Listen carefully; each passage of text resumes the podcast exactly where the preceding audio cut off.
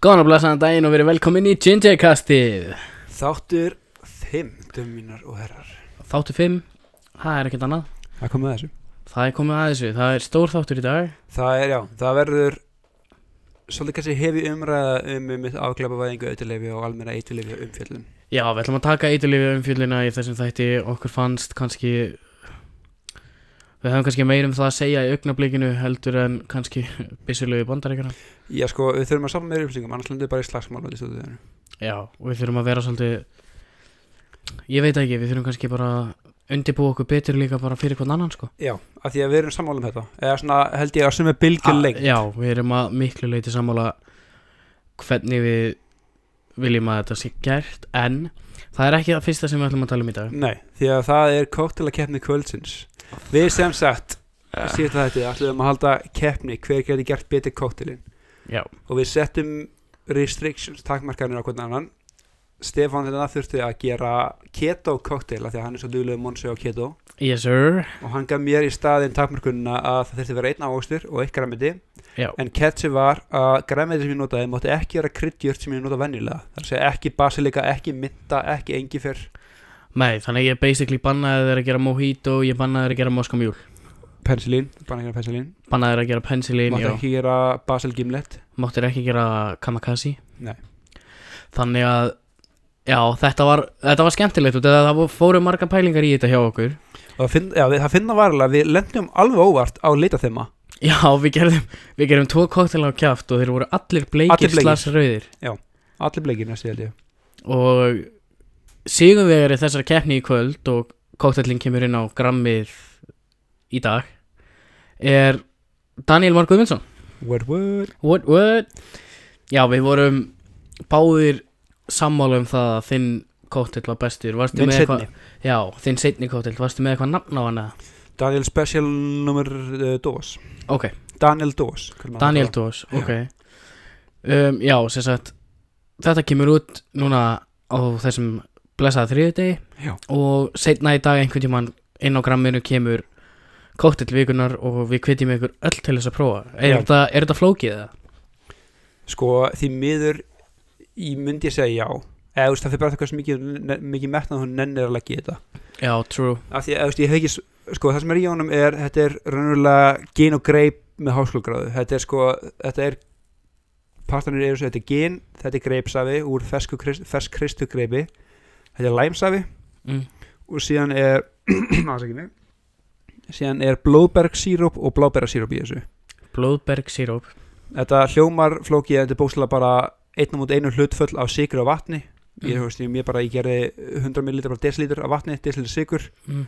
og síðan eitt bóks af bláberjum Já, síð það þangað til að bláberjum byrja að springa og byrja að blæða. Já, og síðan samme blóðbergi, einnum út einum af vatni og sigri, síð það, síðan byrja að sjóða lækka hitan, setja blóðberg út í já, og bara þannig að það kemur já. þetta er ekkert flókið að gera til tímyndur en þetta bætir mjög skemmtilegum keim á kóttelin Já, ástæðan fyrir því að okkur fannst þessi kóttel vera bestur var að þetta tónaði allt svo skemmtilega vel saman. Allir hini kóttelarnir sem við gerðum kom í svona bylgjum. Eða bara byrja bara þínum bara, þínum tveimur. Ertu með eitthvað nefnaði? Nei, ein, ein, einn og tveir. Ok. Við vorum báðir sammála að tveir var betri.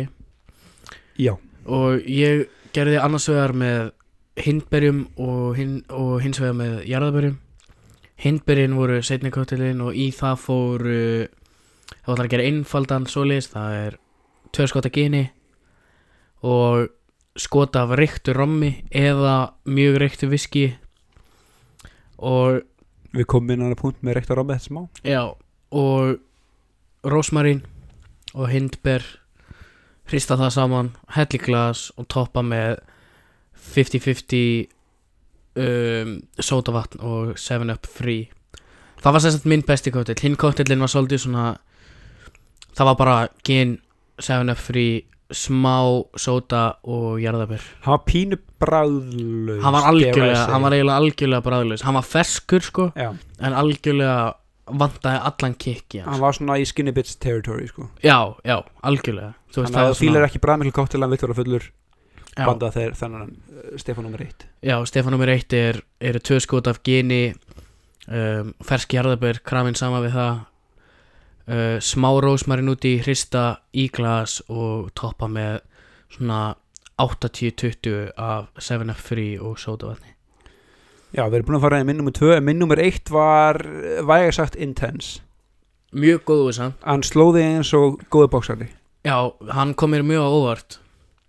En aftur greip Já, sko, það er tvö skot af þessu rekta rommi, þessu kvöldum Þetta er, er romm sem fast í vínbúðinni Þetta er mjög sjórningja esk flösku já, ekkert smá. En beauty við rommi er Þetta er fyrstilega dögt romm náttúrulega Það er oft, romm og romm er ekki að sama sko. Ef við kaupið þessu bakka til ljóstrom já, Það er svona romm keimur, notaði mojito oft. En síðan ef kaupið dögt eða lita romm Það er oft miklu meira bragðaði Það er þetta einkennandi romm, svona timburbragði. Já, og þetta tekur þetta næsta skref, næsta skref að þetta er sko þetta er geimt í eika tunnum sem hafa notað í konjaks og viskiframlæslu þannig að það kemur þetta rekta viskibræð fram já. sem bæti mjög skemmtilegu tvisti og hann á ramkóttila eða vilt fara út í það annað borðið. Já, og mér fannst það alveg meika steppa nummer tvö, sko. Já, en það er í þessu nummer eitt hjá mér að alla myndir þessu kóttilu komið inn á grammið. Og tókum heildamyndið öllum en það er sér tvö skot af þessu tiltekna rommi ég er mjög fórtan að smakka hvað þetta er án þessa roms, sem er vennilega bara allavega tvö skot af þessu rekta rommi það er hálft skot af triple sec Mhm. eða bara kontrá heitir þetta, þetta er absin líkjur ein teski af brennivinni það á að vera absin þegar ég glemdi heima þannig ég var að bara með brennivinni uh, þrý fjórðu skot af læmi ég kristi bara, því það er cirka ein únsaði eitt skot af safa í einu læmi en ég kristi bara heilt læm út í þetta. Mhm. og síðan er mitt uh, hálft skot eða ein, tvær sneiðar af greip safa út í þetta. Já Og það var mjög gott. Þetta voru, þetta voru allt drekkanlegir kóktelar Við byggum ekki til eina ógeðstriki sem betur fyrr og ég, ég var svo, sko, af því að þegar þú sagði frá þessu keppni, þú gafst mér takmarkaninnar mm þá fór ég strax að hugsa á ég bjóti mjög solid cocktail. Síðan sendið þú mér í fyrra dag mynd að þér æfa þig og ég sá að okkar voru skuggalega líkir. Já, og af því að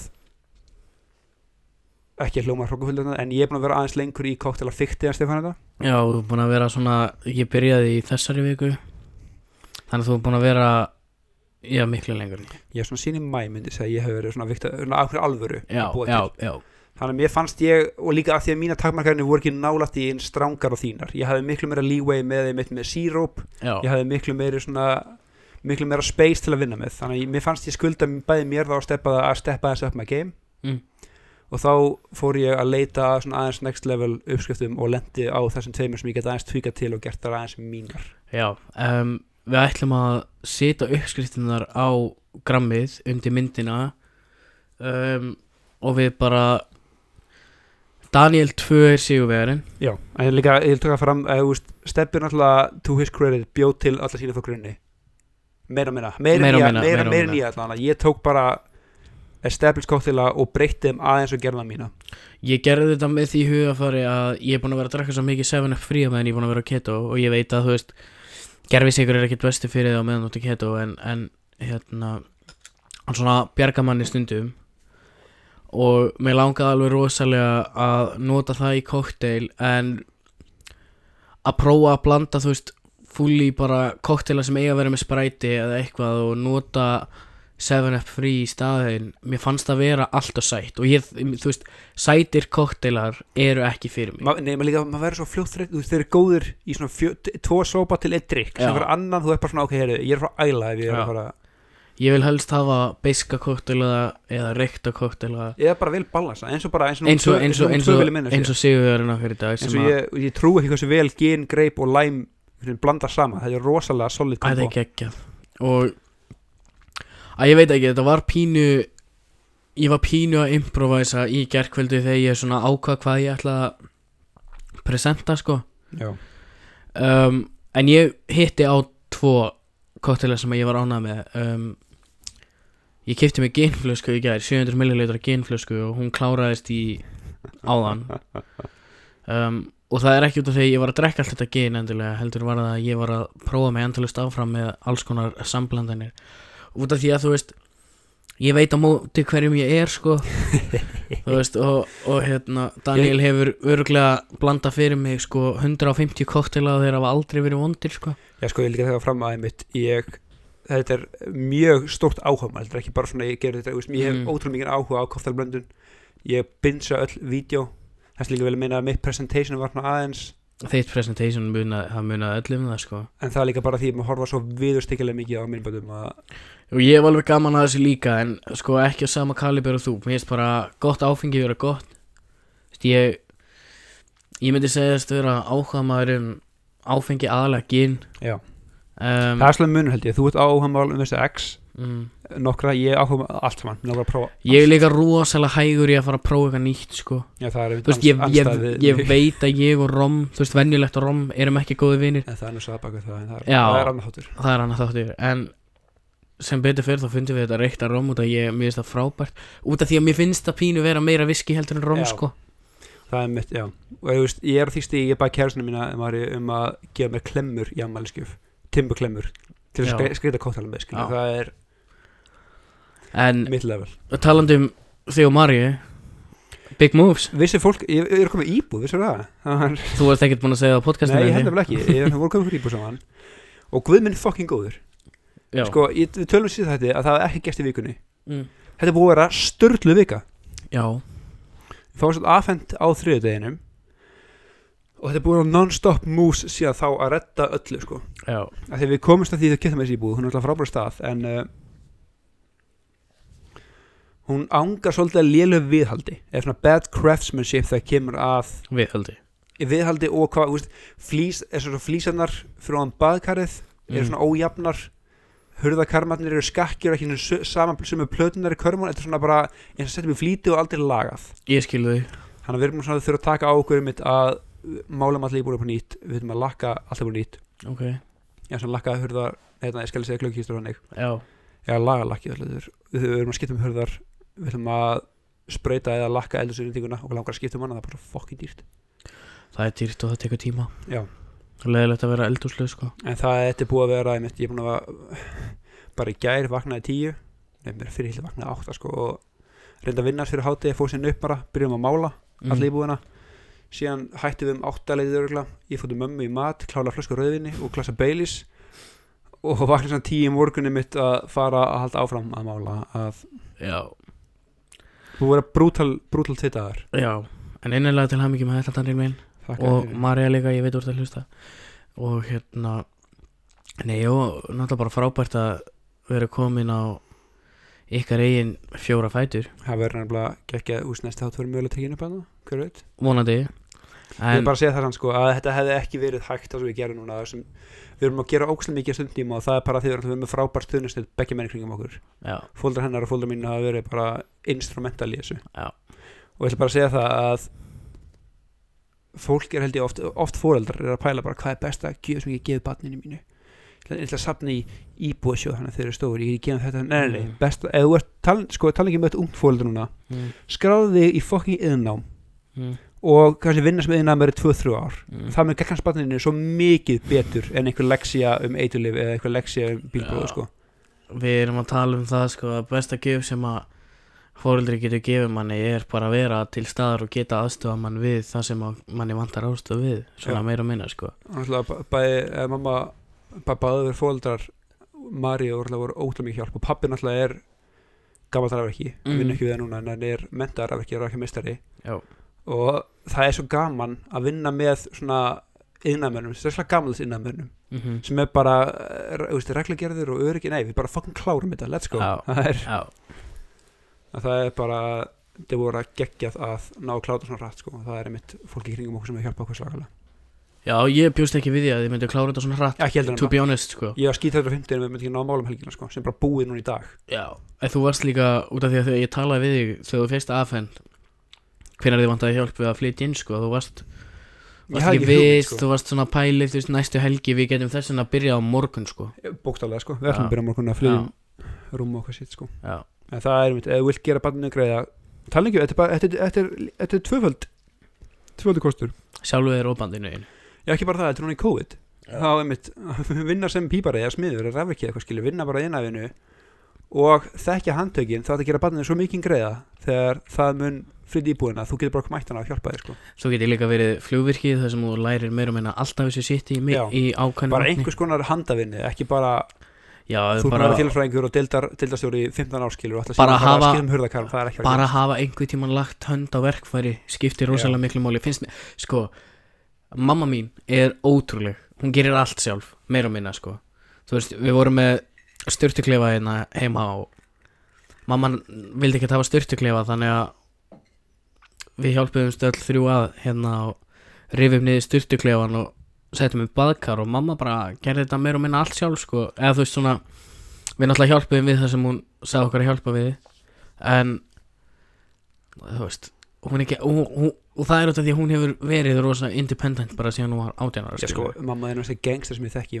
Er, sorry, er eitthvað naglharða, ég elska alltaf að sjá þetta. Naglharðara en sittir lazy boy í sinni eigin stofu með rétti og spila borderlands skilur. þetta er, það er bara, mamma er ekki sko og hún er hérna hún er svona hún er með svo mikið never say die attitude Já. sem að ég tek rosa mikið og tek vel í sko og þú veist það að hún geti notað öll verkfæri hefur verið pínu svona ok ég þarf að geta notað öll verkfæri út af því að hvað ef þú, ef þú hefur aldrei haldið á ef þú hefur aldrei haldið á borfél á æfiðinni hvernig ætlar að setja upp hillu þegar þú flytur inn í þitt eiplis já, eða bara hamri skilur að ná fokkin töpum og veggjum skilur og spasla og já.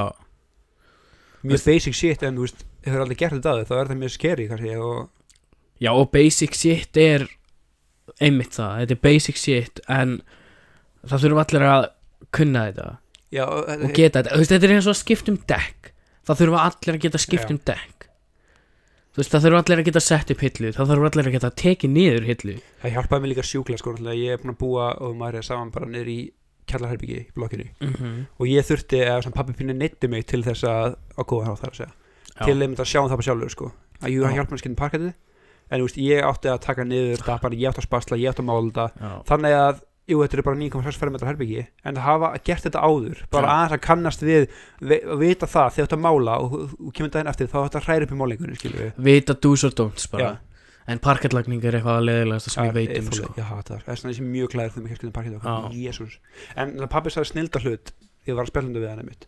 Hvað bara mikið hjálpa að hafa hann.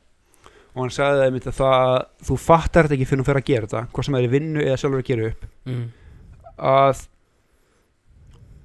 það bara að sjálfur halda verkum höndunum og gera það. Já, að þóra bara, veist, eins og ég lendi bara þegar að taka niður tenglana, ég hrætti að brjóta það menn hann tóku bara riktið þeim niður, skilur ekki já, þessi óttið að brjóta eða skemmi eitthvað að því að þó eitthvað brotna skemmi þá bara fokkin lagar það. Já, öll innanvenna er gerð af mannfólki. Já. þú getur alltaf bjargað þér, þú getur alltaf gert það það er við þetta það er alltaf hægt að skiptum og ég, ég ætla bara að viðurkenna það þú veist, ég sjálfur í gegnum flugvirkjan og svona, ég low-key hrættur við ramagn sko.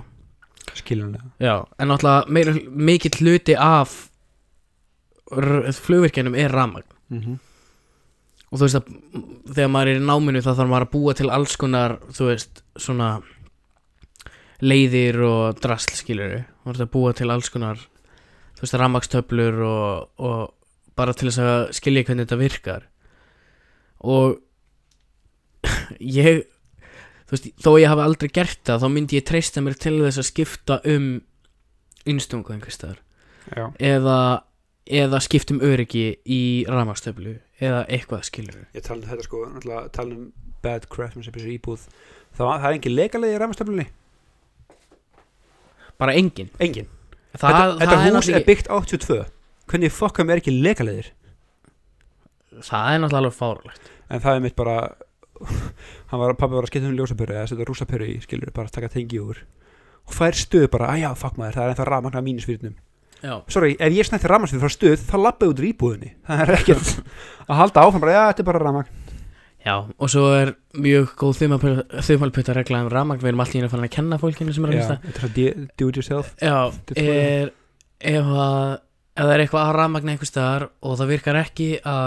það það kveikja aftur á örygginu þá vantar öruglega bara að jörða einhvers staðar. Það er bara mjög oft svo leiðis Rafmagn virkar náttúrulega ekki nema að það sér með jörð einhvers staðar. Jöp. og það er góð þumálpönta reglu sérstaklega í flugvirkjanum að ef það virkar ekki og öryggi er ennþá inni þá vantar jörð einhvers staðar. Eða öryggi slær út og getur ekki setta aftur inn þá vantar jörð. Það en, búið að vera mjög skemmtileg ferli sko. og eitt sem ég glimtur þetta að ég elskaði já, eitt sem ég glimti ég elskaði sko, það var einmitt að sko þegar þú ert í svona framkvæmdum innan gæslappa sem er þá að kaupa nýja hillu eða eitthvað já, já.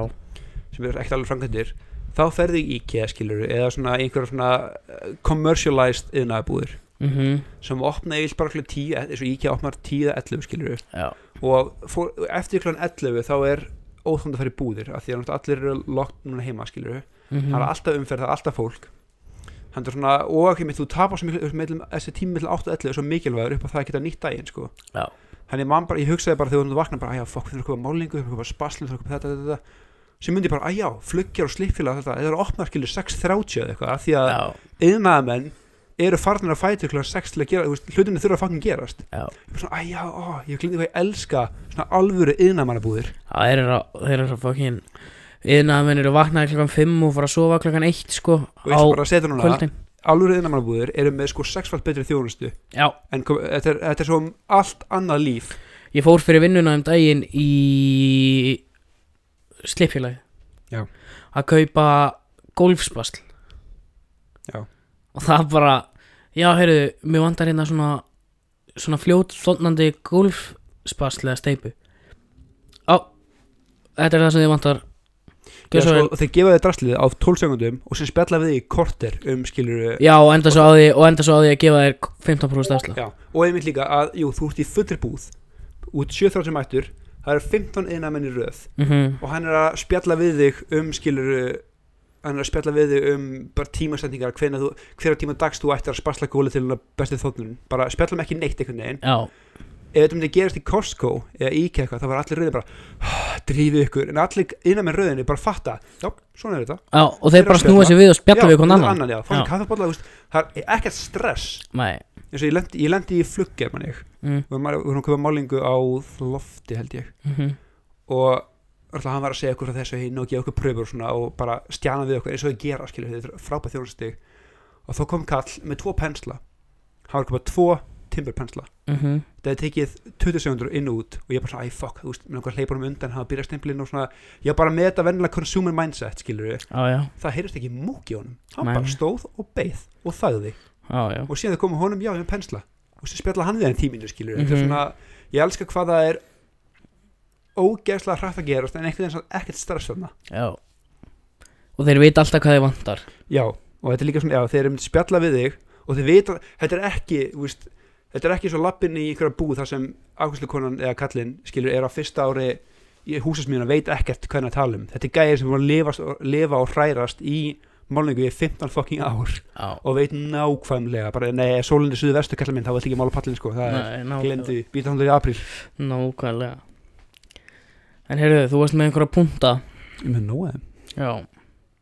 Þetta voru af þeim sko. En talandum finnst svona, sko, talandum um svona innamenn finnst bændur vera slúðið kliftur á sama efninu. Já, þeir eru það. Að hvernig, ég elskar hvað aldrei neitt líka aldrei neitt vesum með bændur. Nei. Einmitt það var þarna fréttum daginn einhver örskriða ég man ekki á Östurlandi eða eitthvað, sástu það? Nei. einhver rosa örskriða skilur fokkað upp bara landin einhverjum bæ. Og eitthvað, að sjálfsög viðtal við við fræðinga eða landfræðinga á viðstofunum bara já þetta er rosalega alvarlegt og við vissum ekki að þetta er skilur og þetta, þetta verður örugglega eignarspjöll eignarspjöll í mörg ára eftir og eitthvað. Mm þeir eru sín bóndin að bæna viðtal hann já ég held að vera miklu verða maður. Þetta er, já þetta geti að fara í vassbóli við rettum því.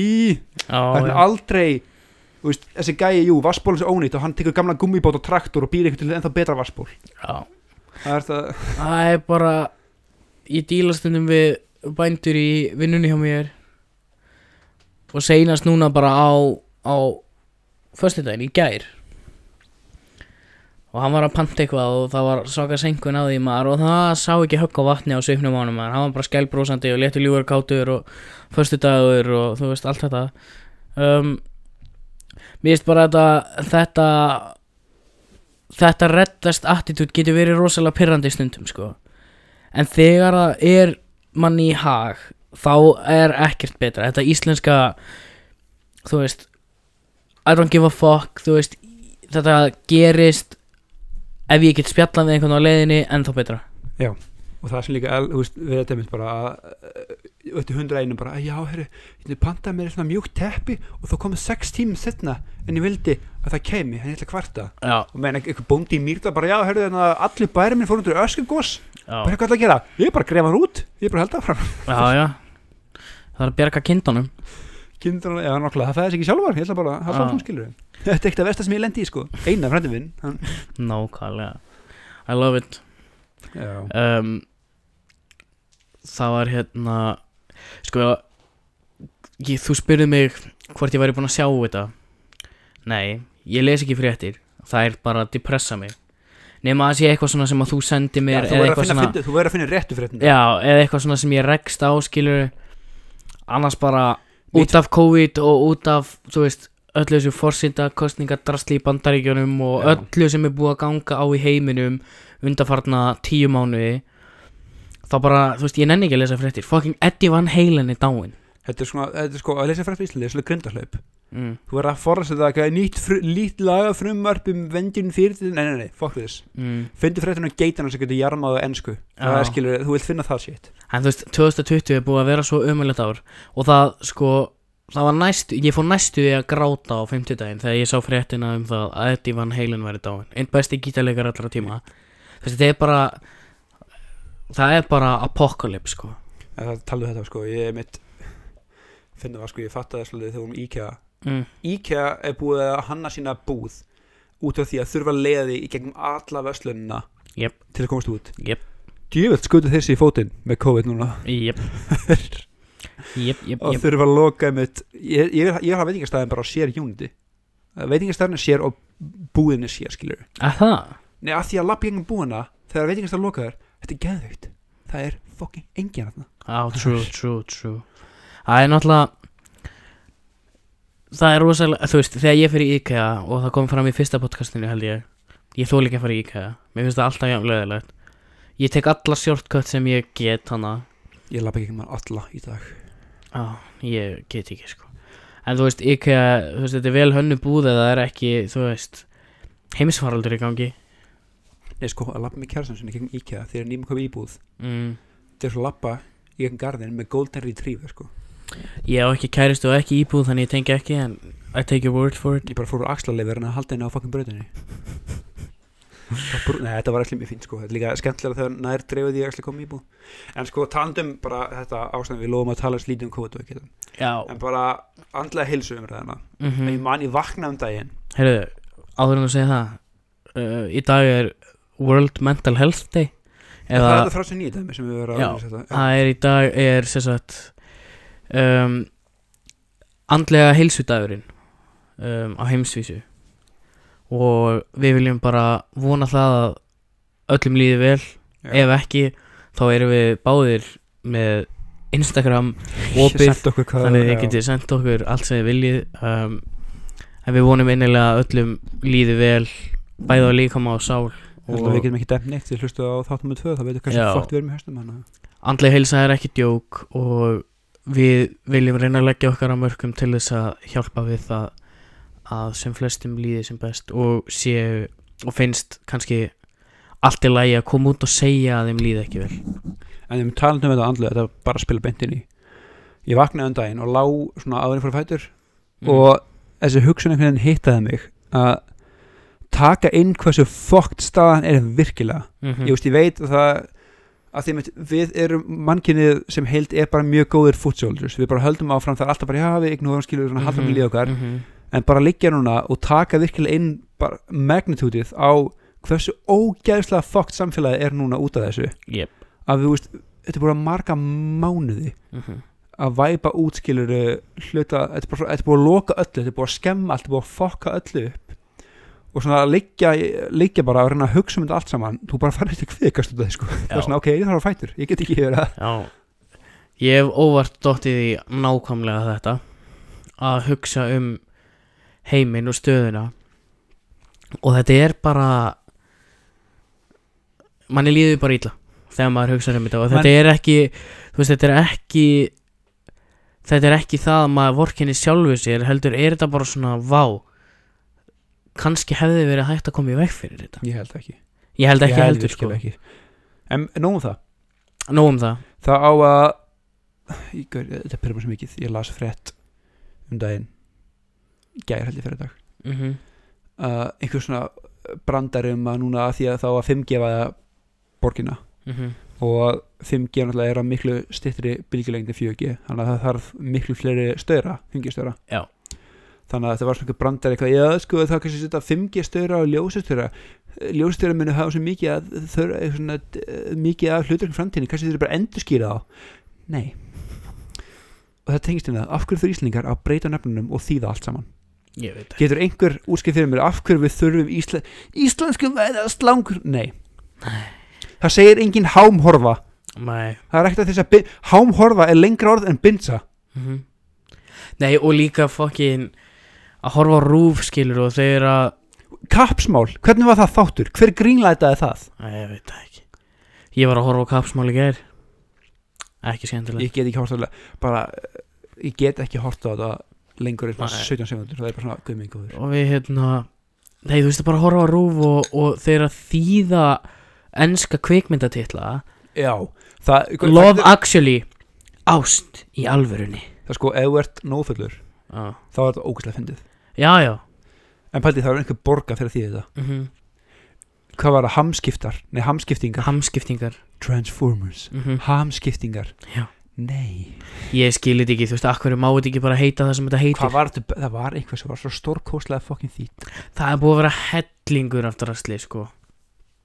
Og Ég er alveg samanlega finnst þetta pínu finnst þetta pínu skrítið. Þú veist Ég elska íslenska tungumáli Og ég vil að við, vil að við höldum í það En Þessar þýðingar á einhverju sem að á sinn uppruna í eh, á sinn uppruna í á öðrum tungumálum finnst mér að vera pínu svona, þú veist, af hverju eru að þessu, þú veist, að Akkur mega kvikmyndatitlar ekki bara vera, vera kvikmyndatitlar Þetta er verið að þvinga sko kassa í gegnum hring? Algjörlega. bara og, og ofbáslega oft þá bara virkar það engan veginn. Nei. Þú veist það meikar engan sens það sem þú þýðir að yfir í. Nei.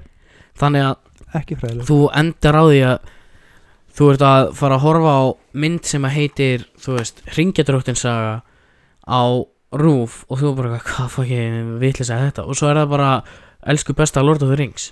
Já, þú, þú sér því bara hvað ég fuck myndir þetta? Svo sér tillin bara, ó já, þetta er ekki mynd Já, og svo serðu þú veist í, í þú veist, á vördskjali þú veist, leturstærð nummer þrjú stendur undir Já. enski titillin sko eða En sko veist, ég sko loðar því ef við fáum að þetta vænt sem hann sínd á Íslandi þá myndir hún skýr há fyrir hemd há fyrir henn Það væri algjörlega. En sko, já, ég var að því að tala um síðasta þátt þá var ég að ákvæða að taka svona aðeins Dire Straits marathon aftur sko. Já. það var málum svona Já. fokk hvað þeir eru góðir. Það er ekki ekki bara hlusta á einmitt Making Movies og Communique Já. Og ég komst að öðru, Mark Knopfler, ekki góð söngvari. Hann er ekki sérstaklega góður söngur, hann er nóg rugglega gítarleikari Já, hann er ekki ekki talegri En hann er nóg, hann er nóg fyrir mig í söngunum sko. eða sé hann er svona Bob Dylan típa, hann syngur ekki vel en Nei. textin er flottur og tónlistin er flott Já, en svona þann, þessi einmitt með því, þýjendur og þetta annað get ég please, ef einhver sem er stjórnandi fyrirtækis í Íslandi hlusta núna, eða markarsvæðingur neina stórfyrirtæki hætta að þykjast gefa shit um samfélagsmál mm, þetta er orðið svo Gillette, Coke, Pepsi stöndum saman kall minn hætt, bara nei þeir eru að selja vöru, mm getur við fara aftur bara Gillette, nýja rafélblöð með fimm sem er betri rakstri, hehehe, Já. takk fyrir. Í stæðan fyrir eitthvað, eitur kallmennska er krabba minn samfélags, bara nei þú ert rakvélaframlegandi, Já, ég er svo samanlega ég er kókuauðlýsingin ég fær kjánhroll alltaf í hóruna nota nota sko eimdir samfélagsins eins til þess að selja vöru þegar kallir til er að fara rétt einhverju skelfilegt. lögli þannig Pepsi-dós. Já, Guður, ég nenni ekki sko. Og líka þetta er núna nýja eitthvað, svona eitthvað Coca-Cola-lýsingin þetta what are the new eitthvað, what are the new is the Já what, are, old- what are the new values? I'm gonna smell like þú ert að selja sigurvatn, pípaðu það aðeins niður.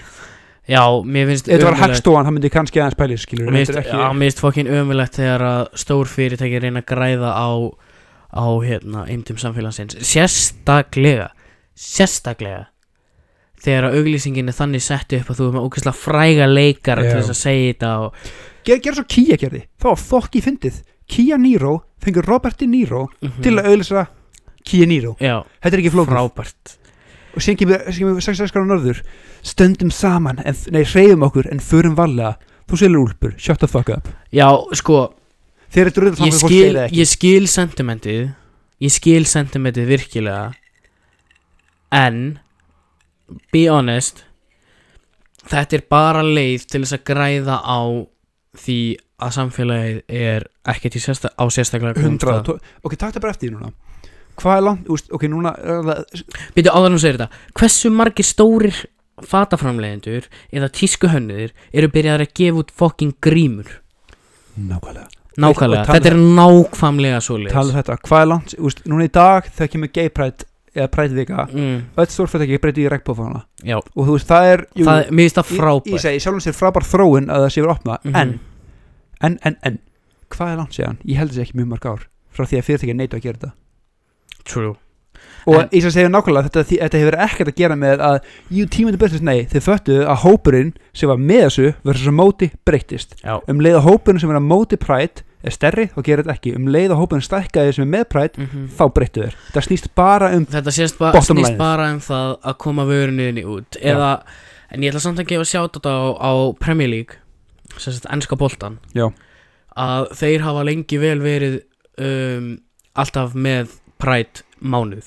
Já, ég, sem allir- líka, ég er alls ekki að segja öll fyrirtæki nei, nei, sko. nei, nei, nei, alls ekki. En þú veist að vera með, Pride fyrirlega bönd og, og alls konar svoleiðis er, er mjög flott. En ég er sammála því sem þú ert að segja er að þegar að stór fyrirtæki nýta sér það að samfélagið er á einum eða öðrum stað og fókusa bæði auglýsingaherferðir og, og vörur það pera mig eiginlega meira þegar þið fókusa vörur á þessa eimd út af því að ég sá vídeo og YouTube þú veist, ég horfi stundum á YouTube og YouTube getur verið alveg frábært þess, fyrir fólk til þess að miðla hinum á þessum vídeoum og skemmta fólki. En Kylie fucking Jenner á YouTube channel. Af hverju á Kylie Jenner YouTube channel? Ég ætla að segja að maður já, auðlýsa snittuveruna Jep. og YouTube bara forsa vídeo með Kylie Jenner niður kokið á mig okay, YouTube náttúrulega er ok, ég ætla að segja, úst, sem er Logan Paul dæmið. Já, já, ok, já. hann er búin að taka sig á og mér finnst hann hafa spila ágætlega úr stöðunum sem en hann á ekki að vera lengur á en YouTube. pointið er að hann tók upp döðan gæja og komst upp með það skilur við Það er alveg hræðilegt. En ég, aftur að Kylie Jenner um, YouTube channelina snýst um það að auglýsa vöruna sínar En hún er að reyna að gera það geða relatable. Mm -hmm. Þannig að hún gerði eitthvað svona What's in my bag challenge Og ég var að skrolla YouTube og þetta kom í recommended. Og ég eitthvað, hvað er hún að brasa núna? Þetta vídeo var 8 mínútna löng auglýsing fyrir vörunarinnar og ekki nóg með það heldur þá lígur hún í gegnum fokking glotti sitt og ég tek alltaf með mér þrjár grímur úti í, í töskunum minni. Nei, þú ert bara með þessar þrjár grímur til þess að sína öllum sem eru að horfa á vídeoið að það eru til þrýr mismunandi litir af Kylie Jenner mask. Þú ert með þrjá lífverði sem teima búðina að þú lappar inn í hana. Þetta er ekkert að gera með erum líka sko, ok, það er, það er rétt. Það er eitt fyrst mér sem pyrra mig að fyrir að gera þetta. Það sem pyrra mig meira er þegar fólk fellur fyrir þessu. Já. hvaða fokking hálfvitar trú þessu? Bara nei, þetta er sko nörður í alveg andum okkur. Nei, nei. Ef, ef, ef sko, ef að kveikja, batn, kveikja í batni myndi gefa þér meiri pening, hann myndi gera það Kapitalisma þykir bara vænt um 0,001% af mannkyninu. Punktur. Eða fólki bara þykir vænt um peningin Já. og það gerir allt sem Já, það. þykir ekki einu sinni vænt um fólk þeir þykir vænt um peningin Það er stórt bottom line í bara ef þú er svona vænt um samfélagi, eitthvað gefa ekki kastarsmönnum eitthvað þá almenn sumarleifi og góð laun skilur eða það er markmiðið. Já, nákvæmlega. Um, Er komin tími á The Real One? Já, ég held að búin að ná djúpt hinga til sko. Ég held það. Mér lákar aðeins hérna Ok, komið smá disclaimer. Ok. að þetta verður hefi umræða. Þetta verður mjög hefði um og ég persónulega fyrir mig allan að veit ég mér segja hluti sem kannski mjög margir verða ekki mjög sammála. Ok, þannig ég bara að segja ég er ekki sérfræðingur og þetta er mín skoðun. Og ef mín skoðun fyrir svona rosalega töður á einhverjum þá myndi ég spyrja því spurninga frekar en pyrrastum mig. Um, ég ætla líka að koma með disclaimer er að allt sem að við erum að fara að segja er okkar persónulega skoðun. Sem er byggt samt á einhvers svona rannsóknum. Algjörlega en við viljum líka koma því að, að ef við segjum eitthvað sem að múðgar einhvern eða eitthvað á þann háttin þá var það alls ekki meint sem múðgun það eina sem við erum að reyna að gera er að segja okkar skoðanir og koma með góð rauk bæði með á móti. Og ég held að við ættum að prífisa þetta með að segja við erum ekkert að segja það að fólk eigi að neyta eiturlifja Já, ég kem á það eftir. Já. En sorry, ef okkar skoðun virkilega móðgar einhvern Nei, ég er kannski meira að hugsa sko þá myndi ég aðeins spyrja þig nokkra erra Ég spurningar er kannski meira aðeins að hugsa um þegar við förum í þetta sko og förum að tala um fíkn og svona hvort að það sé einhver Já, sem að algjörlega. Það er það sem ég er meira að pæla það sko. hljómar eins og tala niður til þeirra sem ég vil reyna að gera þú veist, það er alls, alls, alls ekki mynd þannig. Nei, þannig að við erum að við viljum koma með þann disclaimer strax. Um, og já, ég held að sé bara komin tími Það til að dýfa okkur í þetta. hljómar og sem að shit eða fokkin fíkla. Við erum ekki að fara að gera punkt Nei, það, við erum ekki að fara að gera það, enga veginn Já, Já. ok, ég vil byrja þessu umræðu á bara komið out of the way Mhm. persónulega skoðunar á þessar máli. Ok, Þannig ég segi að þú byrjar, hver er þín persónulega skoðun á byrjum því kannski eitthliðum og einmitt eftir hugsunum afglapavæðingu slæs löguleðingu slæs hafa það ólulegt ok um, Ég hef aldrei neitt sjálfur og er ekki að fara að gera það. Ég plan ekki á því plan ekki á að gera það. En hins vegar er ég hlindur afglæpavæðingu eiturlifja vegna þess að mér finnst fyrsta lagi rámt að henda einhverjum í steinin fyrir það að vera með hálft gramma grasi á sér. Þú veist að vera vera með þú veist hvað heitir það, Nei, neitunarskamt. Já. að vera með það á þér á ekki að vera glæpur finnst mér og við komum kannski að því meira þegar já, tölum við um fíkla, já. já. Um, já. Eh, að fíkn, já og já, ég er hlindur afglæpavæðingu af mörgum ástæðum og ég fer kannski, við förum betur í ástæðunar þegar við tölum með á móti við, við munum taka umræði punktum um rög fyrir og gegn afglapavæðingu þannig tölum kannski betur um það en já, ég er basically hlindur afglæpavæðingu og það sem er mín skoðan persónlega er að ríkið ætti að geta selt innan gæðslega þessi eiturlif og græta því og það, món, það er ekki afglapavæðing, það er löguleging sko. Ég er að segja það, en bæði afglæpavæðing og almenn lögleðing er eitthvað sem að mér finnst vera hægt að skoða vegna þess að ef þú ert með ríkisvæta sölu á áfengi og tópaki eins og hérna heima þá getur þú mónitora rosalega mikið hvað er yep. verið að neyta ok, gott að það sem er mjög saman með þetta Já.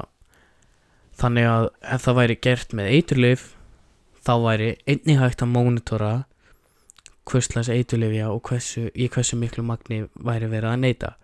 Ofan á það að þetta væri tekið að miklu leiti í burtu frá undirheimunum og sett upp á yfirborðið og þar með gert bæði peninglausan við lögreglustarfsemi og mókað meiri pening inn í ríkið. Skatt bara, já, Já. En sko ég er nefnilega þar sko ég er mjög skrifnum verða það, mér finnst öll eitthvað löguleg. Sammála því. Mér finnst nefnilega að fara át til mínu pólitíska skoðun að ríki á ekki að skipta sér að því hvað fólk gerir að gerir ekki. Þá að setja ákveðna skorður og bjóða upp ákveðna þjónustu. En þá ekki að skipta sér að því úst, ef þið langar eða byssu til dæmis bara, þú veist, það verður náttúrulega setjum umræði mm -hmm. þá áttu að geta keftir hana undir ákveðnu kringustæðan þú standast þetta á sama hátt.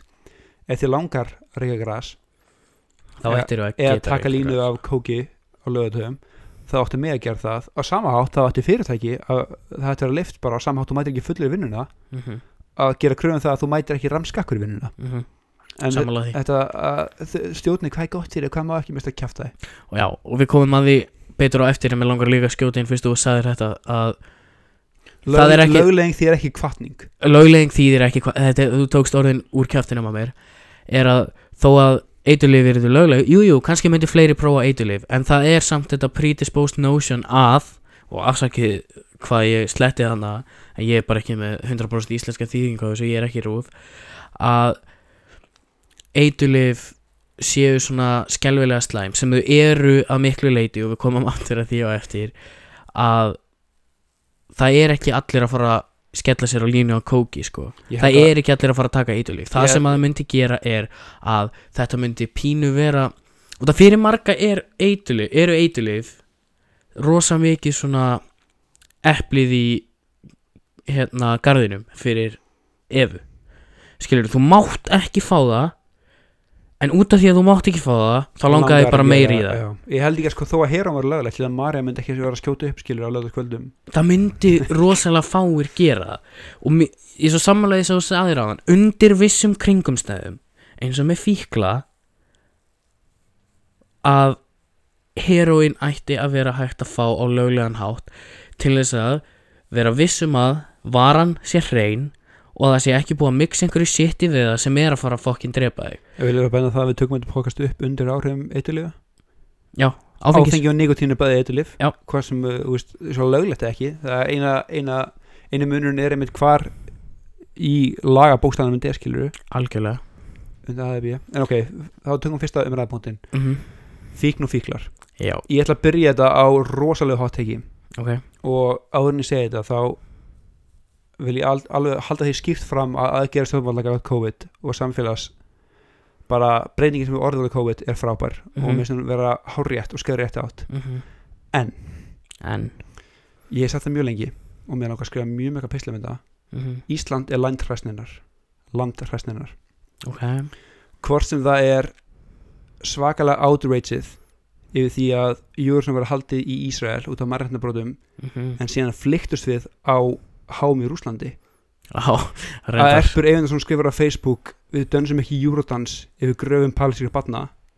En það greinir alltaf lægi að drekja út köllum samkynneira í Rúslandi með vikingaklappinu það greinir alltaf lægi saman með þennan svakalega stuðning við Black Lives Matter með við gjössamlega ignoruðum mótmælinn í Hong Kong þar sem kýmverðar eru bóstalega að murka lífi og sinni eigin þegnum fyrir það að tala upp gegn þeim. Já, og ég bæði ekki að segja að það sem Íslingar taka sér er ránt, þetta er bara við rosalega pick and choose hvað hendar okkur og það, það, það, það kemur frá fréttaflutningi að miklu leiti held og mér finnst eins með þetta að jú, það er rétt við eigum að venda, venda viðkvæm að hópa þetta er ekki alveg búið mm Mhm. við eigum að standa vörð um fólki sem vikast á landinu okkar mm Mhm. þessu af hverju fokkanum og ekki gera það varandi fíkla og ef við fyrir lengra með þetta einmitt, með dánatíðinni ungra kallmanna fyrir einu hendi Mhm. að um leið og þetta effektar alla og þetta getur smitast þá er öllum drullu sama um skilur já, eða nei, þá er öllum ekki sama. Þá allt í hennu þurfa allir að standa saman sem er Já. rétt. Já, en þetta með fíkla, jú, fíklar eru upp til hópa líka viðkamur hópur á ákveðin leiti fíkla f- fíkn er veiki. Þetta er ekki eitthvað sem þú velur þér ekkit endilega og þetta er eitthvað sem að fólk oft á tíðum þarf stuðning við að komast í gegnum og það þýðir ekki bara fyrir einhvern einn að segja hei þú getur þetta eða, eða veist að leðu flöskuna á hilluna eða whatever þetta er veiki og þetta dregur fólk rosalega djúft og fíkn er þú veist þetta er viðkjönd vandamál er sem að við einhvern veginn veljum að miklu leiti bara að algjörlega ignora. Við pappi hefum átt mjög djúpar umræður um þetta er þetta sjúkdómar eða ekki? Fyrir mér það skiptir einhver máli. Nei, hvað sjúkdómar er ekki? Því að en þetta er sjúkdómur. Og það er oft talað um bara er bara fíklum að kenna. Þetta perir mér svo mikið af því að já kannski í ströngum sem skilurum er þetta fíklum að kenna en aftur ég alveg að segja mannsku sem var barinn frá því að hann var þryggjára skilur mm, var ekki með neinar jákvæða fyrirmyndir í lífinu sínu og fann ekkert meira fann ekkert heilbyrða coping mechanism. Nei, og eina fólkið sem tók hann inn og virkilega síndunum ást var happens to be fólk sem tók eitilu skilur Við erum ekki að setja við erum ekki að setja alla fíkla undir þennan hátt já, að eina jákvæða feedbackið félagslega og bara ástlega feedbackið sem það fekk var frá fólki sem var í þessum efnum líka. Það sem að fólk er þetta fíklunum að kenna? Já, kannski. Eða þú veist, hann tók efnið hann tók efnið á en það er svo ótrúlega djúb undirleikandi ástæða fyrir því ofta tíðum já, sem er læknað, sem þarf að lækna í sem Já. henda bara í fangilsi að sekta já, já, takk, takk. Þetta var það sem ég ætlaði að segja er að fólk einblínir bara á það að ein, einhver hafi gert eitthvað vitlust þú tókst dóp þegar að uh, byrju fyrirgeðu en hvað í fokkanum veist þú um þessa mannesku hvað, hvað gefur þér réttin á að segja að viðkomandi hafi átt að gera hitt eða þetta. Stundum, og þetta er kannski sjokk fyrir suma, hefur fólk ekkert val. Nei. þú veist lífið er ótrúlegt og það getur farið í margar áttir og fyrir suma er lífið stundum bara ein átt. Og ég er ekki að setja alla fíkla undir þennan hatt. Ég veit að það eru til hver case er uník og það er tíu vandamálið miljón, skriljón, biljón mismunandi case og mismunandi típur af fíklum. En eins og ég sagði áðan þá finnst mér fíkn og sjúkdómurinn að vera fíkill vera að mjög mörgu leiti ignoraður af samfélaginu sem eitthvað sem er alfarið viðkomandi að kenna. Og það finnst mér ekki verið lægi út af því að samfélagið ætti og ég veit að það eru ógislega margir þú veist, aftur, við erum ekki að setja neitt undir að veist, við erum ekki að setja alla undir neitt hatt. Ég, við erum bara að koma með dæmi og mitt dæmi með þetta er að fólk kennir viðkomandi um eitthvað sem að kannski þau hafðu enga stjórn yfir eða hafðu stjórn yfir en samfélagið ætti í raun og veru að vera styðja við bakið á þessu. Og ég tala nú ekki um að þegar að fólk er strang átt og, og því vantar veist, til þess að hjálpa með fíknina skiluru, vantar fix eða eitthvað að þá gerast ótrúlegustu hlutir út af því að þannig virkar heilin þetta verður svona mental survival path- mode, skilur bara, já, þú- þetta verður bara, þú ferði bara pínu svona survival mode með þetta. Líka, tökum bara nær þetta dæmi ég, er, að- ég get tala fyrir mig og svona finnst mér pínu fyrir þig. Við erum báðið nokkuð harðið en nikotínnotundur já, Úst, hversu oft er þú reynd að hætta? Alveg fjóru sinnum, hversu oft er það tekist null já, ekki að meðleika það og ég er náttúrulega, það ég er ekki að bera saman nikotín við hér og ég er ekki fucking hálfviti sko. Nei, en það sem það að hafa reyna að hætta að taka vöruna hefur gefið mér er einsýn inn í þetta mindset að hætta einhverju sem er ávanabindi sem Já. er ekki bara eitthvað fysikal eins og ég verð að gera þetta heldur eitthvað sem líka minn kreifar. Mhm, og þú verður kvíðin og þið líður óstýtla og þú verður irritabúl og þú svitnar en ekki að sopna þegar þú reynir já, það gefur þér svona, svona smjörþefin af þetta fólkstæði hlutir konseptinu já og það er og þá basically hugsa ég líka bara að því að líka, veist, þegar þú ert að hætta að þú, eins og fyrir mig bara, ég verð svo ógeðslega kvíðin bara. Já, og ég hugsa bara fyrir fólk sem segir bara til þeim að kenna hversu ógeðslega gott er lífið þitt búið að vera að þú er aldrei lent í aðstæðu þar sem það var eins og fristandi að reyna að bara dömma út heiminn með aðstofu efna. Já. Og mér veist, þú veist mér veist alltaf sama sama hræstnin í fólki sem er sko alveg ógeðslega, þú veist, anti-eitulif bara, þú veist, hata eitulif og ég skil áður en ég klára þessa setningu, að ég skil að fólk deyr út af eitulifum og við komum að því á eftir og það gæti einhver hafa mist einhvern út af eitulifum og þar að leiðandi ert á eða, bara, móti. eða Já, misnotað eitulif og þú fórst bara í aðra átt. Já, og veist, ég ég, skil- ég, já, skil, skil ég skil punktinn. það þann, ég skil þá hugsun fullkomlega og ég er ekki að gera lítið úr því en að stundum er þetta bara þannig að þér finnst þér vant eitthvað og fyrir mig er það nikotín skilur og fyrir aðra er það áfengi og fyrir suma er það eitulif og þú veist, aftur, við erum ekki að tala upp fíkn og við erum heldur ekki að tala hana niður. Við erum bara að gera grein fyrir því að hún er alvöru hlutur sem að lang flestir fara í gegnum. Það eru allir, um, flestir fíklar varðandi eitthvað skiluru þannig að þetta er ég veit ekki alveg hvernig ég á að orða það er þetta ekki þessi típur sem sko díman þessar fíkn og eitthvað bara þetta er vest, þetta er djöfullin og síðan tjögga reyðinslega hverju einsta Það- kvöldi skilur. Það er bara ok, takk, takk, fyrir þetta var- vinur, hvað í fokkan ert þú Þetta, að gera þetta var annað en svolítið að- það sem ég var að leita er að fólk sem hatar eitulif og aftur að seinasta punkti sem ég sagði eftir að ég sagði þetta á hann að hatar eitulif og, og vill ekkert með þau gera og hat, þú veist, þau eru bara djöfullin og allt þetta fara svo á biffan og fá sér gin og tónik Nei, og sko blakka út Já, og þú veist, já ég, ég, ég næstu tímuna að setja peninga á það að fleiri fleiri life þetta ákvarðan hafa teknar undir áhrifum áfengis heldur en annar eitthvað en það kemur líka niður á því sko að áfengi er náttúrulega miklu algengara. En það, acceptable. þú veist, já, já, og socially Samt sem acceptable að sjálfsögðu. Eða þú veist, að einhverju leiti allavega. Um, og uh, kannski enda, enda þetta segment á að segja við að ég allavega og ég veit þú að gera það líka við stöndum með fíklum og við skiljum erfiði sem að fylgir því að vera fíkil þó að við kannski gengum ekki í gegnum það nema bara með nikotín það og það er nógu djöfulli erfitt. Þannig að veist við erum búin að vera dýfa okkur í þessi málefni núna alla vikuna og sjá mismunandi sjónarhóð og skoða mismunandi útkomur og mismunandi málum þannig að þú veist við höfum séð flest sjónarhóðnin og við vitum að þetta er ekki djók og þetta er ekki eitthvað sem að fólk endilega velur sér og þetta er ekki eitthvað sem að fólk elskar að díla við. Just, ég, hef ennþá þreytta mannskjuna sem allt gekk í vel lífinu og lífa fullkomið, og hún gerast heyruna fíkil eða eitthvað. Hann. Þannig að þú veist við skiljum að vissu leiti ég mynd líka bara að finna þetta því að einmitt, pabbi er svona svolítið, hann er mjög mótið því að, einmitt, að skilja þessi sjúkdóm. Af hverju? ég, ég hef reynd að fá svar út af húnum en ég bara næði ekki. En hann er búin að taka vöruna sem var tvítur þetta er svona ok, heyrðu hva, á hvað hlið ertu bro, hvað þú veist? Já. Sko, þetta ég er bara að segja núna að ég held að ótrúlega mikið um umræðinni og þetta er næsta hot take umræðinar Ok. Ótrúlega mikið um umræði eitilif uh, og þessari neikvæðu umræði sem verður áttu í kringum hana er fáfræði.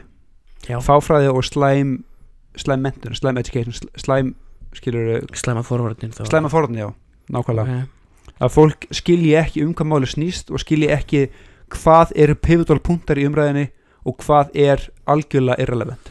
Og til að bæta hún á þetta hér er að það að nota eiturlif og að misnota eiturlif Eru tvenn- það er ekki sama dæmið. En líka það, fíklar er oft ég held að þið fáið sem ég hitt þetta er oft mjög skemmtileg fólk líka. Það veit, Já, það er ekki reyna afnöndin það veit nákvæmlega það sem ég hef hitt bara, já ég er bara bullandi ex fíkil skilur já, já og að það breyta þig, nei ég get það ekki. Já, já, og þú veist eiturlif geta geta, ef þú misnotar eiturlif þá geta þið skemmt lífið þitt. Eins það og, er bara eins og allt eins og Sykur, áfengi, eins eins og og með skýr- sigur já. já. en bara misnotun á flestu getur skemmt lífið þitt. Ok, svo er líka þrija háttekið átvíkn versus heroinfíkn átfíkn versus heroin fíkn ef einhver átvíkil, það er ekki stigma að koma þegar dag skilur Jó, eða þú veist það Nei, er náttúrulega- stignaði miklu minn ég ætla að meðferðúræði fyrir átvíkn séu mikið betri en fyrir dæmis Já. heroinfíkn Já, algjörlega, þú ert ekki bundið niður í rúm. Nei, og einmitt, það kannski líka að þau fara hvað sengir frá heroin er aðeins brútal. En burt sér á því, bara þetta skilur að koma svo átvíkil, nei, þetta er ekki þeirra að kenna skilur, sigur er meira úst, þetta er nor ég er ekki að segja það að átvíkil sé ekki alveg það er líka alveg ég er bara að segja það að það er, ég held að eitilið sé trítið öðruvísi og þetta getur líka verið nikotífíkn, áfengisfíkn, whatever, skilur. Mhm. að basically löglegt versus ólöglegt stigma kringum ke- kemur að því að þessi kynsla sem er fóreldrar okkar í dag já. og eldur það hef, og við líka hafa alist upp við ákveðna en ekki alltaf fræðslu Mhm. sem er bara hræðslu áráður um eiturlif og mynda, mála svo ranga mynda þessu Og það er ekki það með sagt að við séum að tala upp eiturlíf heldur kannski frekar að reyna að koma stigmanu niður á sama level og aðrar og skilja fíknir. raunverulega vandamálið og raunverulega vandamáli er misnótkun eiturlifja Já, og, og, og, og misnótkun ég held að spurningin er ekki þetta kenna sé heldur af hverju af hverju er þessi tilkna hópur? Af hverju finnur hann þessa þörf fyrir því að deyfa öll sín skínfæri Mhm. til þess að eigast við raunveruleikan af hverju er þessi hópur sem þarf á þess að halda? Og þá er kannski komin tími til að tala um sko eitthvað bara. Eiturlif, þú veist léttari eiturlif versus kannski meira svona það sem maður myndi kalla hardcore já sko ég vil bara já Þú veist, þá kannski sveppir og gras mér langar af því að eitthvað eitthvað er ekki að saman nei, sveppir og gras gegn, þú veist, opium og heroini og bara og- PCP, kokain, veist, ok, sveppir og gras. Og mér langar pínu að setja ellast í auðvitað hatt líka. Ætli, já, ok. Og Ok. ef þú ert Joe Rogan Dickræðir DMT mm en að því að þetta er allt ok, fyrir nægt að segja, allan DMT, sveppir og gras þetta er allt náttúrulega efni já. sem finnast fyrir í náttúrunni. Mm og líkaminn okkar kann að bræðast við þeim. Opium er líka þú veist, opium og kokain er líka náttúrulega já það er náttúrulega efni, maður er miklu, miklu, miklu, minni skamti það er stærra það er koncentrerað efni skilur Já. versus sveppir, áskilnarsveppir vaksa náttúrulega og kannabis líka skilur það er, það, þú þarf ekki að vinna eða koncentrera efnur nema að búið THC eða psilocybin olíu eða eitthvað já, versus kóka en það varstu skilur, maður ekki kíló lögi fyrir grammi eða eitthvað skilur, bara til að vinna þetta litla efni. Já. Ég sá einhverja heimildamynd um það. Það er mitt eitthvað svoleiðis. En mér langar einmitt, mér finnst bara ég skil ekki ennþá okkur græs og sveppir ekki og löglegir. Mæ, það er bara stigmað. Um, en ég er sem tilbúin að hafa, eiga, þú veist, mér finnst það bara no-brainer. En ég er tilbúin að taka umræðina um þessi en ekki alltaf harðara efni sem mann gerði efni. Ok, ég nefnilega líka vegna þess að ég ætla að bæta við þessi þessi þessa umröðu að þú getur þú getur löglegt part af þessu og ekki hinn en mér finnst það vera tímabundi úrræði vegna þess að það er bara hræstni já og náttúrulega já já og náttúrulega líka bara þá ertu farin að vernda hópa fíklu eða vernda, það er astnalega Já, Til orða tekið. ég, þá ertu er farin að velja, velja á hafna hvaða hvaða hóp þú vilt ekki upphefa hvað heldur hópur er í já, hvaða hópar er í já ok, maður spyrja einu það Mhm. fyrst þú er komin þessu umræðu. Hvenær lærðið þú fyrst um öll eiturlegin skilur sem pakka? Það hefur verið er ekki bara maritafræslan 5. Grunnskóla. 7. bekk 5. 7. var ekki áttunda sem maritafræslan var 8. bekk var fyrsta skipti sem að maritafræðslan var en ég man að í lífsleikni í 5. 7. bekk já, ég þú veist, Það var- svona alvöru veist, já, að, já að maritafræslan var svona fyrsta skipti sem að maður fekk svona alveg full on áróður Já. að meiri sem sko myndabaka að Já, þá var og það var kynnt fyrir öll efnin og hvað ekki er, sem bara að ég sá úkslega gott finnir mjög um þetta um bara það að tekið krakka sem vissi ekki um eiturlif sagt um nákvæmlega hvað eiturlif gera og sem sagt þeim að segja nota ekki þessi eiturlif mm þetta er bara svona, heyrðu, ekki, ekki huffa lím til að vera skakkur. Þú er bara, ég vissi ekki að geta það en mér nokkar að prófa það núna. Já, en ég man bara því að ég man að mamma og pappi voru ekki mjög hrifin að þessu. Maritafræðslinni já. bara, já, ef við erum að hvetja ef við erum að fræða fólkið mitt, það verður að hvetja til að gera það þú veist, í, já, en nei, finnst- ég er ekki sammála en mér finnst þetta sömu rök og eins og bara eins og frú Ragnir er að gera í dag Mhm. og einmitt þessi- þetta átak að gefa fíklu fyrir hreina nálar.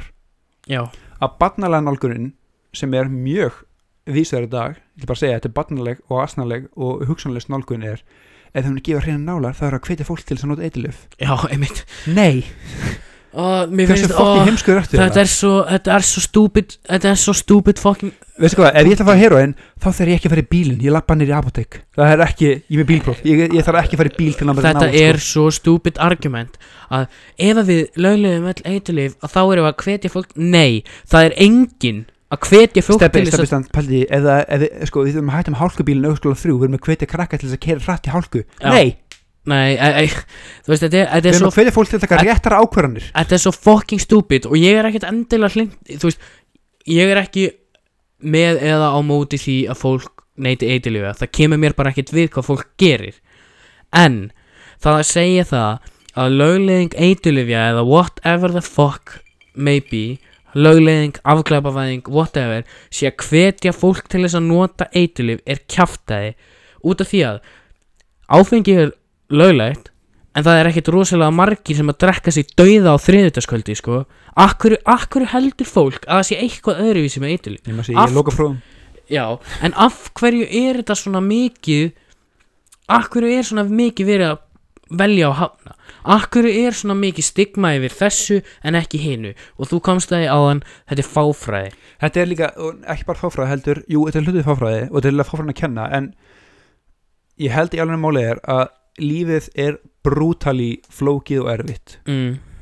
Og fyrir vennilega fóreldrið Þá er nóg að hugsa um að koma að krakka með leikskólan Koma hún í mat, eiga fyrir leigunni næsta mánu skiluru Já, það er svona nóg annað að hugsa um og þú hefur kannski ekki tíma til að sitja sniður og fræða þig um bókstaflegs, úst, félagsleg og efnahagsleg áhrif löglegingar, afklæpavæðingar og haldi ólulegt skilur næ, þannig að þegar einhver kemur inn í gæslega sérfræðingur og segja þetta þá bara trúir því. Já ég held að það sé málið, að fólk nenni ekki að kynna sér þetta og þá verður til þessi barnarlega nálgun að ef við löglegum það höfður að kvita til þess. Úst, ég, Það er bara ekki rétt. ég veit að ég skil samt hugsunum svo vel. Ég skil að algjörlega ef, en, þú, þú pælir ekkert lengra í því þá Nei. er það mega mjög mikið sens. En um, leið, um leið og þú kemur með lógikin í þetta ef leiðu dýfur aðeins dýpar þá bara já nei þetta bara meikar engan Ah, sens. af hverju ætti einhver, bara með náladæmið af hverju ætti einhver heilbrið manneskja að, að því hún fæði fríjar nálar þetta kostar 27 krónur.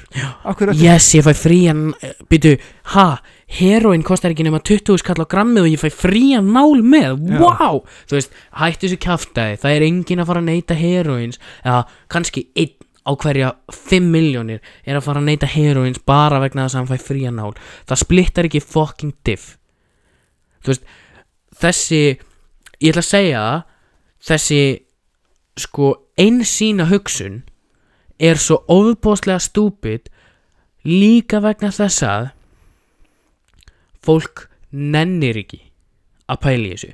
Nei, um það er leið, um leið og þú ferð að hugsa lógist um leið og þú hugsar aðeins lengra þá ferðu að sjá að herðu það meikar ekki alveg allt sens sem að gæin í fræðslunni var að segja Nei, mér, sko, máli líka ignorance is bliss. Það er auðveldar að pæla ekki í þessu algjörlega, algjörlega. En þú veist, svo er alltaf verið að tala um skilur, já, fólk endar alltaf í svo miklum skuldum og bla bla bla og Þetta er, bara þetta er, bara í sama, drasl þetta er nákvæmlega samúð eins og með bara, eh, ég segja, fornöfn allra í dag, skilur, og kynhlutverk. Mm, og bara kyn þá, skilur, af hverju með þessi kalla ennur hann ekki, þú veist, fólkið nennir ekki í þessu, nei, það er auðveldara að þykjast vera ignorant heldur hann actually sittast niður og gefa sér tími í þetta.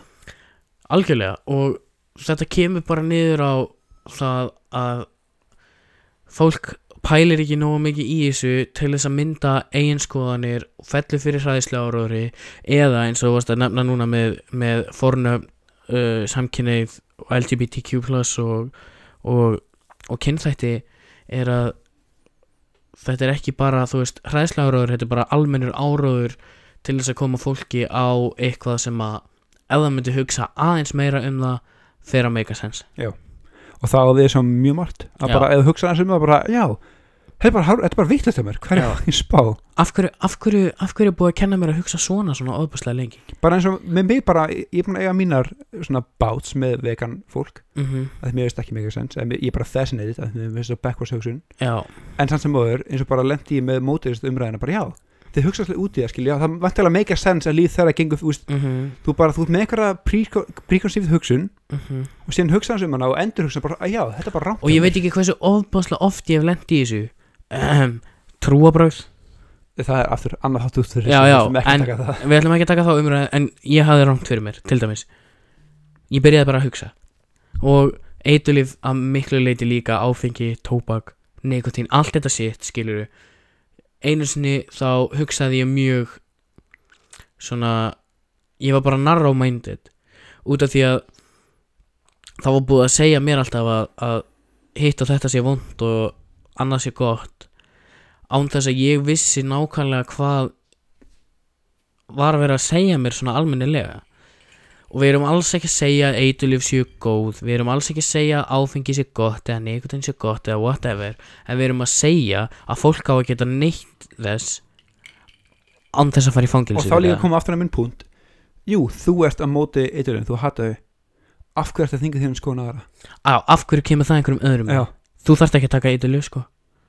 Þú þarft þess ekki það er engin að segja að þú þurfur að gera það þó þessi hugsun er bara sko. að því að, að því ég vildi ekki, þá má engin annar hafa þetta. Bara, ertu fucking fimm ára eða hvað, þú veist Já. hvað er? Og jú, jú, kannski partur af því að eru eða kannski, partur af því eru forvarnir og eitthvað sem að fólk hefur gengið í gegnum sjálft eða hórt upp á ástfinni gangi í gegnum og já, ég skil það fullkomlega.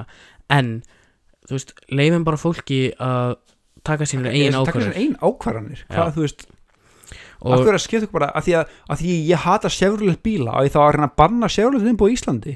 Veist hvað, um, ég held að sé komin tími til að við fjöllum kannski aðeins já, um ekki sem klánum þetta bara eða bara lokum þessar skilur, að ég mitt við hórum svolítið á pínu tangent en ég mitt að það eiturlif og eiturlif er ekki að sama. Nei. það er skipting á þessu og umræðan oft vera þetta er allt eitt pakki, nei, Nei. þetta er það ekki. Það er mjög, og ef þú skoðar það aðeins og ég hvet alla sem eru á sem ósammála- heroin fíkil er ekki að sama og reiki gras. Nei, ég hvet alla sem eru að hlusta og eru ósamála okkur til þess að bara aðeins dýfa sér í og skoða bara munin á bæði áhrifum og döðsföllum tengdum mismunandi eitulifum út af því að trúðu mér það er ekki það sama fyrir öll eitulif og mikið af eitulifum geta hjálpað við mjög mikið af mismunandi hlutum ég held að það sé gott til þess að loka þessari einhverju loka sér röð og koma okkur yfir í rög fyrir og gegn afglapaðingum, ég er með listanand þar ég líka en Ú, Ég er með rök á móti sem að mig langar að kasta út í kosmósin bara mjög hratt. Gerða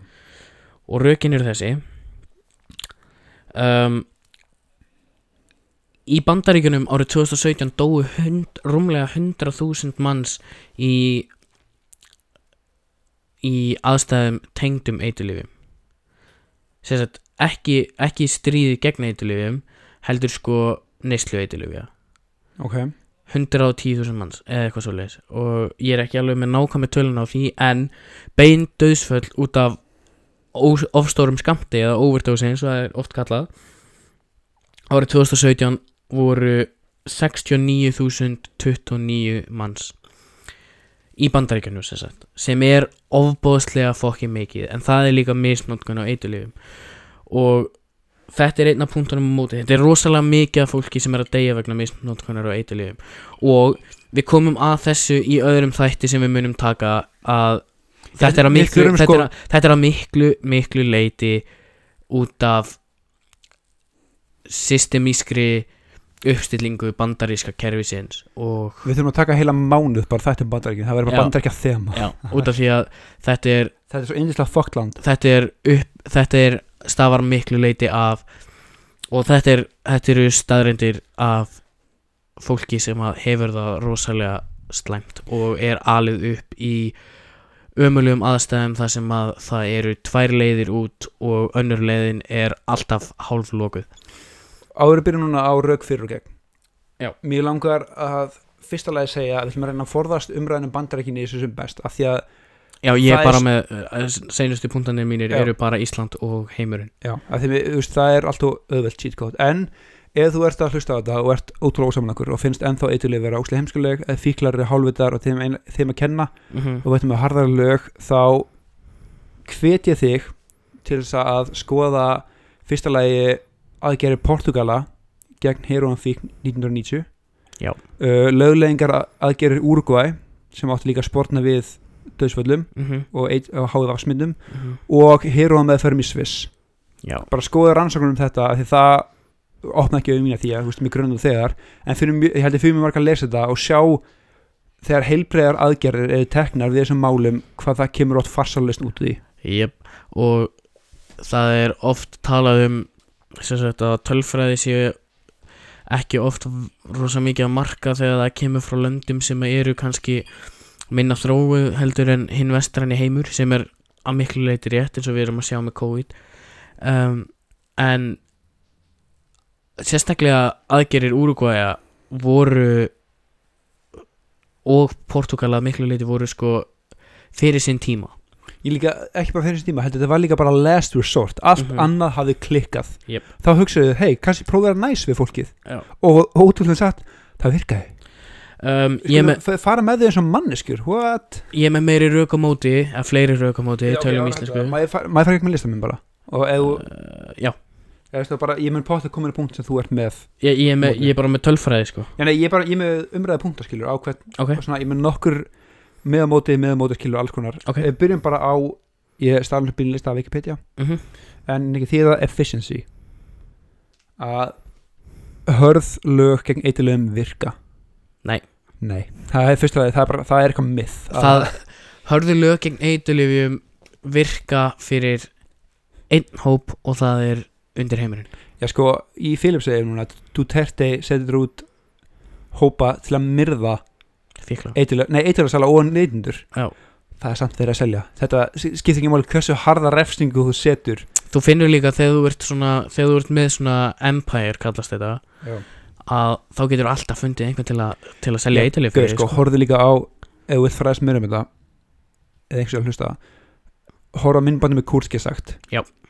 Þeir, þeir gera myndband um einmitt why the, drug, nei, why the war on drugs was a failure og einmitt taka rauk með og á móti löguleikum gras og bara skilur eitilega almennt Já. taka mjög hlutlösa rannsókn og bara svona umræði um þetta Já. og þar kemur þetta skilur að fólk vill eitilif og svo lengi sem það er demand fyrir því þá mun einhver sjá að supply að því það er bara demand og supply þetta er bara, þetta er bara human nature Já. og Kurk sem sagt gerði ofbúðslega flott vídeo um þetta og ofbúðslega flott vídeo um ofbúðslega margt þannig við mælum með uh, sjátt átt vikunar í Jinsi Kastinu Kurk sem sagt á, á, á, á YouTube. YouTube.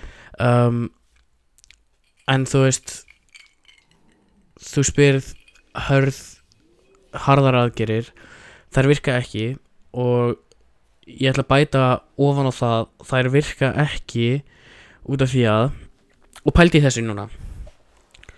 Bandaríkin árlega og við erum að reyna að forðast Bandaríkin, ég veit að það en þetta er bara besta dæmi sem ég gætt fundið. Það er bara War on Drugs er besta dæmi heiminum já, fyrir því að lög veit Já. ekki. Já, út af því að Bandaríkin, Árlega. Ertu að tala um economic? Já, Ég kem að því. Ok, en já, þá býð Ég, ég með ég, ég, kem, ég kem að því, engar okkur ok, ok, ok, ok. Uh, Hafðu ólulegt er að íta fólki frá því að nota það, það Nei. basically er deterrence ekki þannig það er ekki líka að kæfta þig. Mér- mér finnst það það- er, Mér finnst það út af því að þetta er bara nákvæmlega sami punktur á, þann ef það er demand fyrir þá verður supply og þetta er bara endalaus vítaringur sem að getur sem er auðvaldara að lenda í hörmungum heldur en ef þetta væri á yfirborðinu. Að þetta skilur einmitt að, já, sko þetta er ólegt þá vil færa, færa, fólk nota. Þú veist, jú, ég ætla að taka það fram það er rétt, það er líka ólulegt að keira á 90 á Vesturlandsveginu maður það gera það allir. Ég skilur að hafa það ólegt það gerir þetta, fólk gerir þetta færa, uh, gerir það minna, sem er rétt. En, mér langar að taka en dæmis um tvo rauð þeirra drengi mm. litlir krútlegir sem voru nikotín fíklar Já.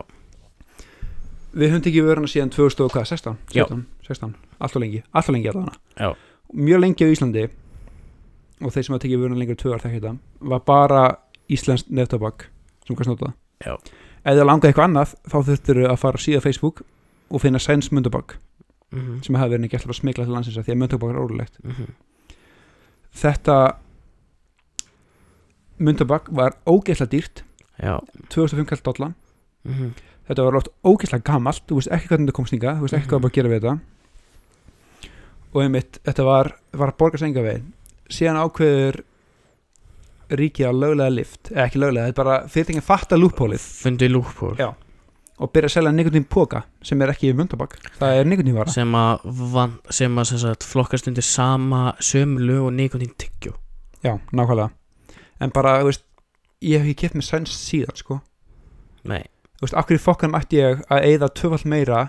Jú, ég get örugglega fengið þetta sterkara. Mm -hmm. sænska er sterkara en gætlapa skilur en ég get bara farin í Svens og keft með dós á miklu lægra verði Mhm. sem er löglega, sem er regulatað með lögum skilur löglega fluttin, löglega selt allt yfirborðið.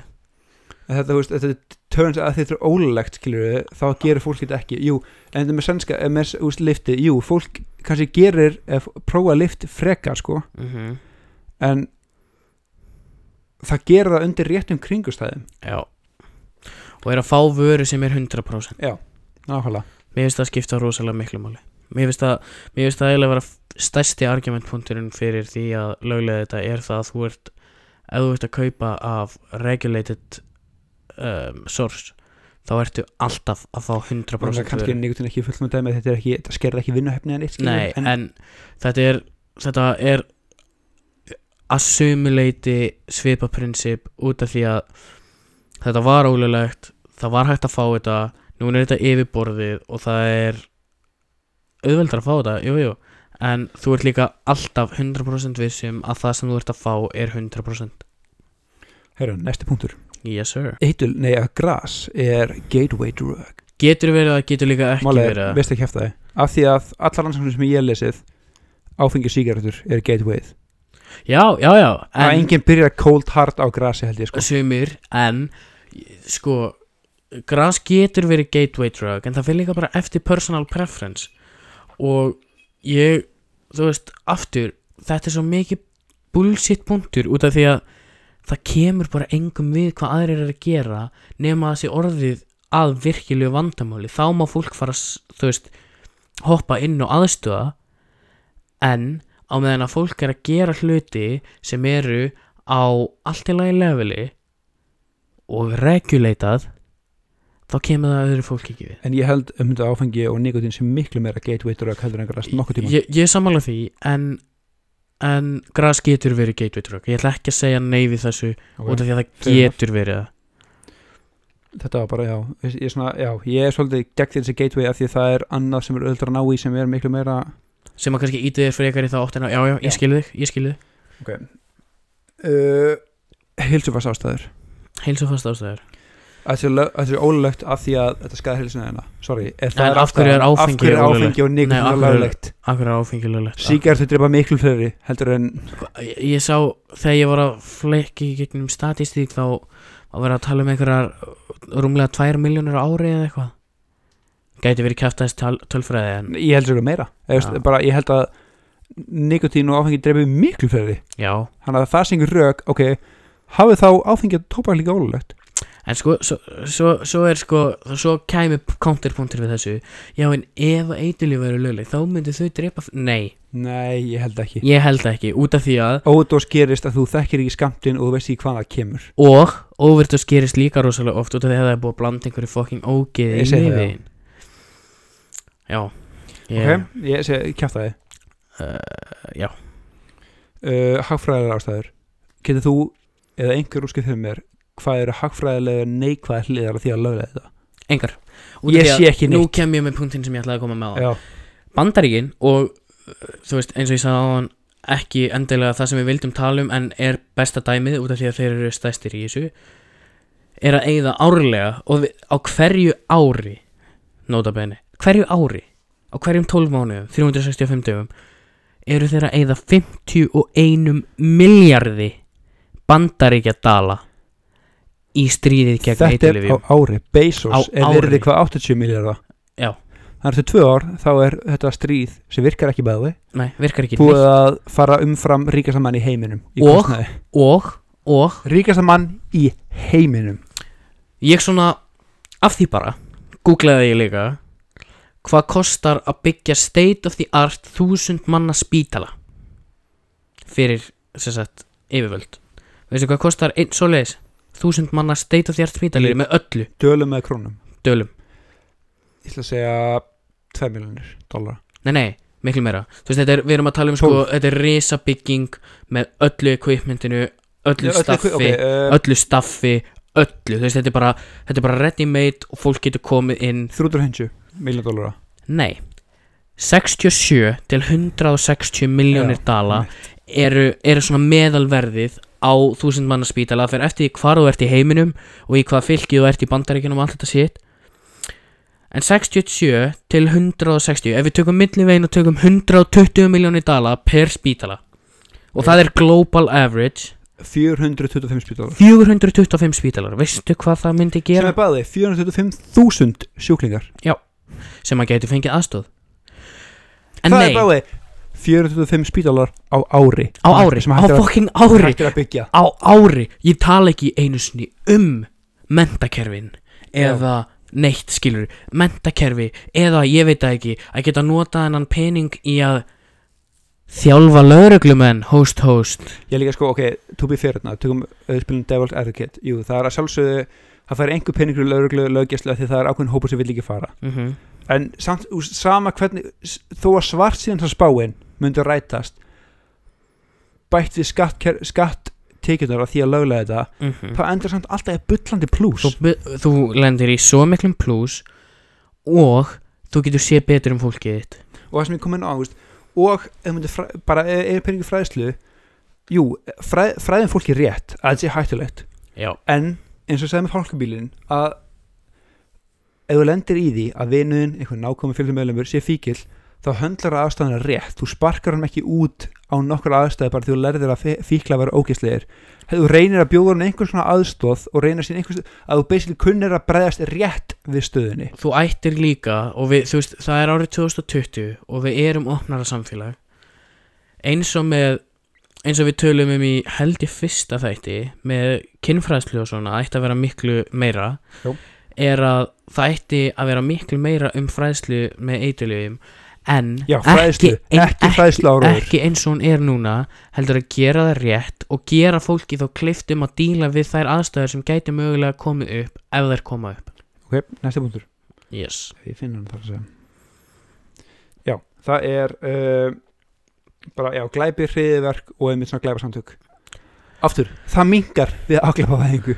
Það mingar en tala ekki um lögleðingu En mér langar að koma með punkt aðeins í andlitaður og ég veit ekki hvort þú uh, sért einhvern veginn búin að undirbúa þig Bro, ég fyrir var að þennan vera punkt. fucking mála í heila viku. Ég Já, ég veit, en hvort þú hafið heyrt þetta áður en maðurinn finnur alltaf leið til þess að græða penning og ef við myndum taka eitulif frá undir heiminum myndi þá ekki bara eitthvað annað stígin í staðinn jú, en Og- ég held það er alveg það, það munir alltaf vera undir heimar saman hversu mikið Já, lagðir. undir heiminin verður aldrei aldrei tekin en ég held þú verður að vangstefja hann svo rosalega af því að af hverju þokkanum myndur þú kaupa eitthvað óþægt shit mm. ef þú lappa út í ATDVFR mm. og kifti póka hér á henni True um, Frænka mín, sunna frænka mín um, er einn besti penni landsins þegar það kemur að píslarskrifum. ATEVFR fyrir ekki já. hmm, ATEVFR Já. um, Já, sunna frænka mín, sunna Ósklóðadóttir hjá kjarnanum er einn besti pislahöfundur og, og fréttarheitari á landinu. Og hún fjallaði um þetta eða, ekki um þetta beint heldur um svona undirheima og timbur er þriðja mest seldi hluturinn á svörtumarkaði timbur, það kemur ekki neitt óvart. Út af því að það er verið að högga skóa ólega um, jú, jú, það er fokkin ömulegt út af því að plánutunar okkar er að deyja. En, Birkir Trauslund er ekki að fara að nei, nei, nei, nei, ég veit. En ég, maðurinn finnur alltaf leið til að græða pening. En ég veit ekki alveg, þú veist eitulif að selja fólki, þú veist, kókain blanda með róttu eitri er einhvern veginn finnst mér verra heldur en að selja timbur. Og það er rosalega backwards hugsun kannski út af því að plánutan er að deyja. En ég veit ekki, það væri til fullt af skattpenningum út af því að þú ert að selja löglega eitulif þá getur kannski, ég veit ekki, gróðis að tré byggt spítala, bætt mentakerfið að það og að hætta eða pening í það að setja fólk í fangilsi fyrir að vera með gramma á sér. Ég, veist, þetta eru bara já, fyrir mér meikar þetta of mikinn sens til að gera þetta ekki. Ég bara, já, ég sé þessi glæpa, það- við munum aldrei losa okkur undir heimuna, nei, nei, en við getum vængstýftað með þessu. Algjörlega, ok, samanlega algjörlega samanlega uh, mismunurinn Mismun, mismunurinn á byggt á kynþætti og kynni. Af því að, aftur, sorry, nefnda bandrækin en einmitt tölfræðin bara hversu margir svartir er já, lendið því að sko, vera fangilsaðir út af litlu seti sem hvítir komast algjörlega upp með. Algjörlega og er fucking Við- fáránlegt. við komum, við komum að þessu í bandaríkja mánuðinum Já. okkar en þetta er mjög mjög mikið því að kenna að crack cocaine var dælt inn í svörtu communityin árið 1970, 1980, 1990 og reyðu til heljar sem að þýtti það að fólk átti ekki efni til að búa neins staðar þannig að fólk fór og bjó í einhverjum gettóum eða einhverjum ömulegum kringumstæðum sem að endaði á því að það breyttist í vítarring innan við sér sjálft og stafar mikið af því að lita fólk á meira í erfileikum með það að díla við svona hluti út af því að bandarækin institutionalisaði þetta fólk.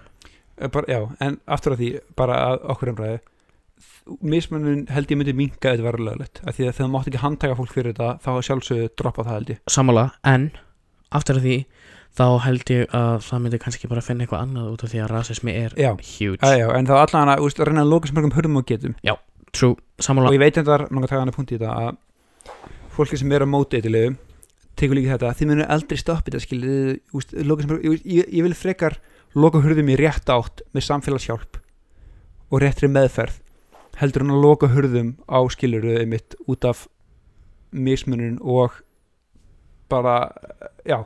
Já, að ég vil frekar, ég vil frekar loka hurðunum reyna að hjálpa sem mörgum að get frekar að loka hurðunum og henda sem mörgum í fangil sem að get sem algjörlega, einhvers konar deterrent. algjörlega, algjörlega. Og svo er þetta rosalega oft þú veist að eins og þetta er byggt upp og þetta er seinasti punkturinn um bandaríkin ég lofa að kannski ertu búin að vera bestaður með eitulif þrísvar og það þýðir að þú fær í fangelsi fyrir í tíu ár fyrir að vera með þrjú gram á þér yfir fimm ára. já, í fimm, yfir fimm ára tímabili ertu bestaður þrísvar með gram á þér sem endar á því að þú fer í tíu ári fangelsi. Skilur þú veist þetta er Já, Já, þetta er mjög punktur þetta um bara alveg mannrættindi sem, úst, ég er ekki að taka það núna hann er bara að demma okkur annan punkt. Ok. sem er bara siðfræðilega. Já, móralsk og siðfræðileg rauk fyrir þessu eða gegn þessu.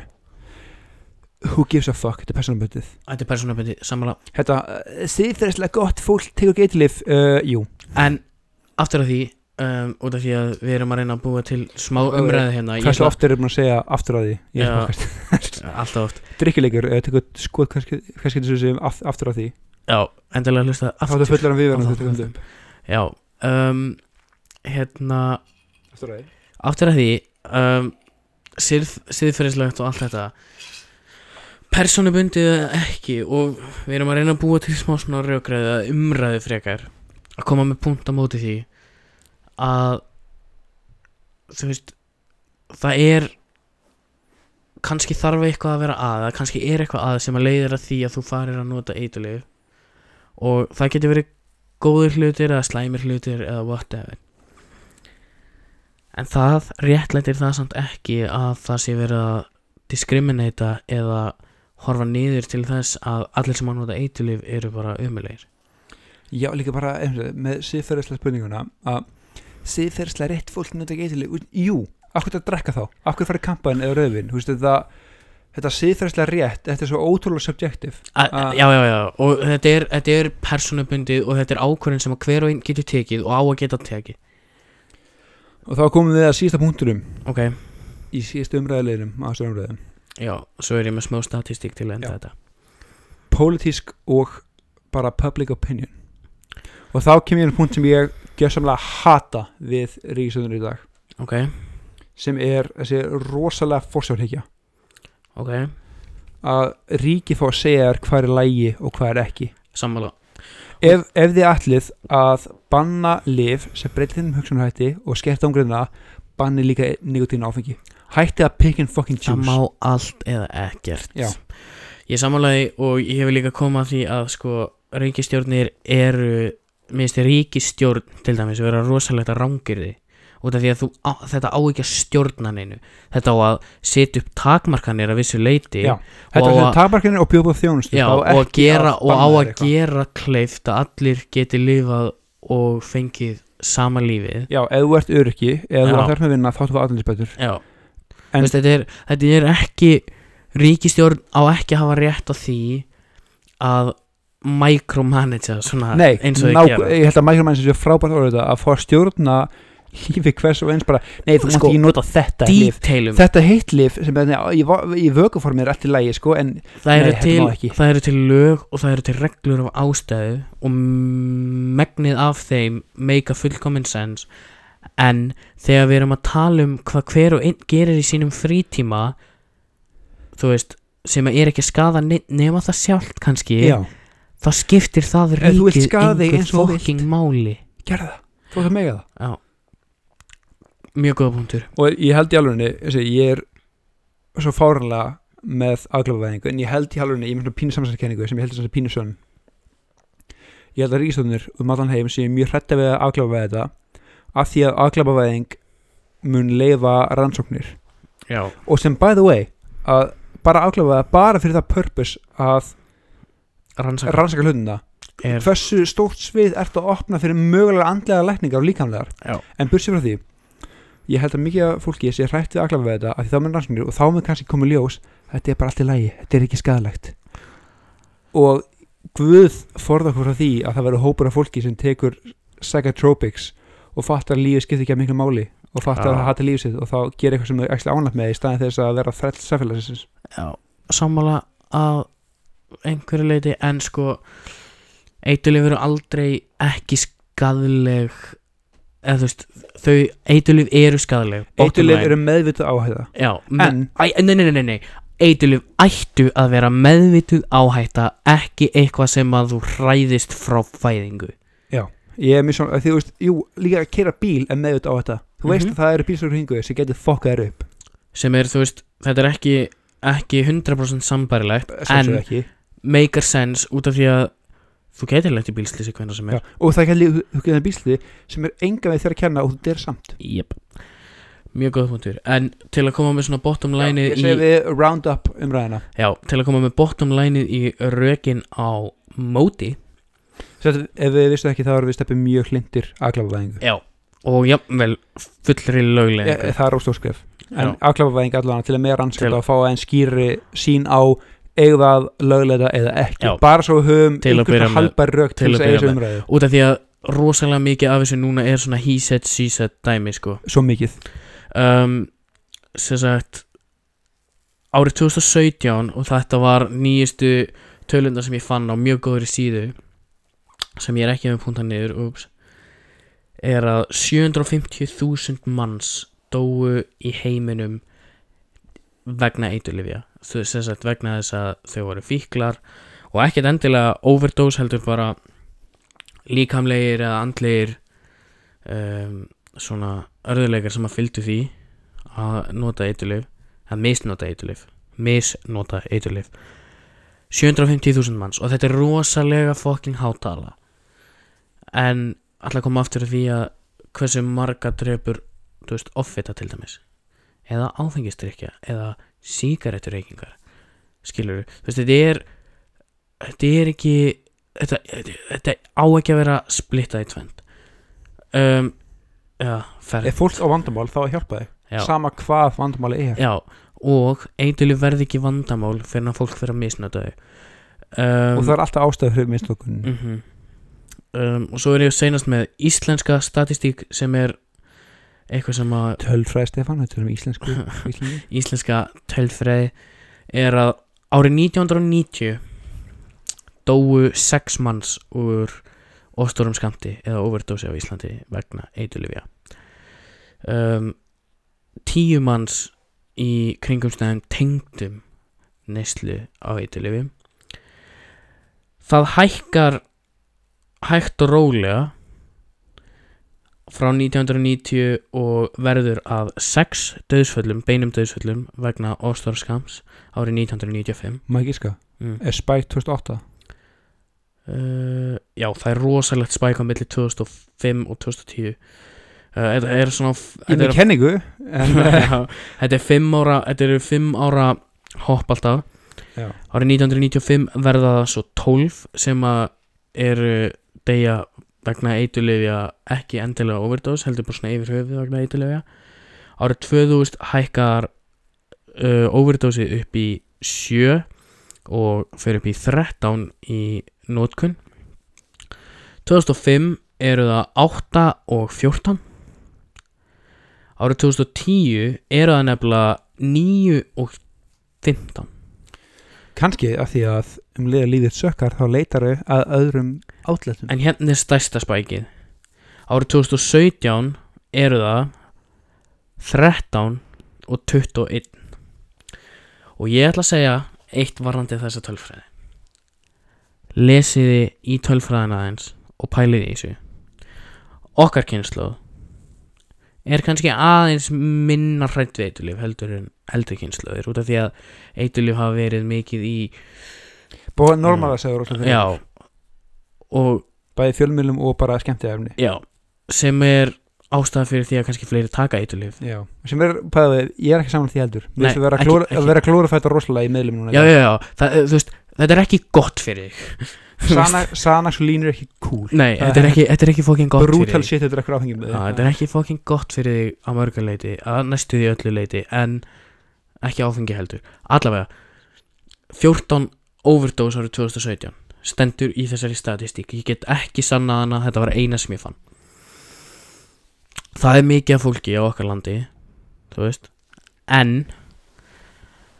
um, spækið er að mín mér dettur í huga spækið sé vegna þess að það er búið að normalæsa þetta rosalega og þú veist pop culture og allt þetta er búið að bæta rosalega mikið í það að normalæsa þetta. En ég vil líka meina að flutning, innflutningur á eitilifum hefur orðið miklu auðveldari og fólk er orðið miklu kreatífara og fólk er farið að fatta alls konar leiðir til að blanda þetta með alls konar sétti til þess að selja meira úr minna já, sko, þetta kemur inn að fara bara, í sem ég ætla að segja mm. að þessi umröð okkar er náttúrulega bara við erum búin að að skoða alla vikuna rannsóknir og myndböndur allir með það Mm -hmm. og við erum að hóra mjög mörg góð myndbönd eins og bara Mhm. ég tala um sjálf með, með kúrski sagt Mm -hmm. sem við tala um tölfræði ástæður og vildum ekki vera algjörðu dickræður og bara úst, mimika það algjörlega Mhm. vildum hafa bara meira persónulega skoðun Já. en úst, ég mæli indrið með að skoða þessi myndböndur rannsóknir af því um það er verið að flytja inn sterkari efni í minna skilur sem tekur minna pláss og þannig til náður meira einu græð meira penning, það er Mhm. fullt af félagslegum, hagfræðilegum ástæðum bak við af hverju þetta verður. Var þannig ég hvet fólk til að skoða þetta líka bara og mynda sinni einn málum það var rannsókn í Netflix þáttum sem heita Dope sem eru ömulegi þættir út af þeir eru allir leiknir en þeir eiga að vera raunverulegir. En það er svona kona hana sem að seldi einu sinni eitulif í alvörunni sko, hún er alveg þekkt og kölluð Mercedes. Og hún var svona yfir einhverju svona kartelli eða eitthvað kjaftaði, mann ekki alveg. Og ég held að hún hafi talað um að eða það var einhver umræði sem að myndaðist í kringum þáttinn á Twitter eða eitthvað að sagt hreinlætið eða svona, hvað hva, hva myndir þú segja purity væri, hreinlætið bara.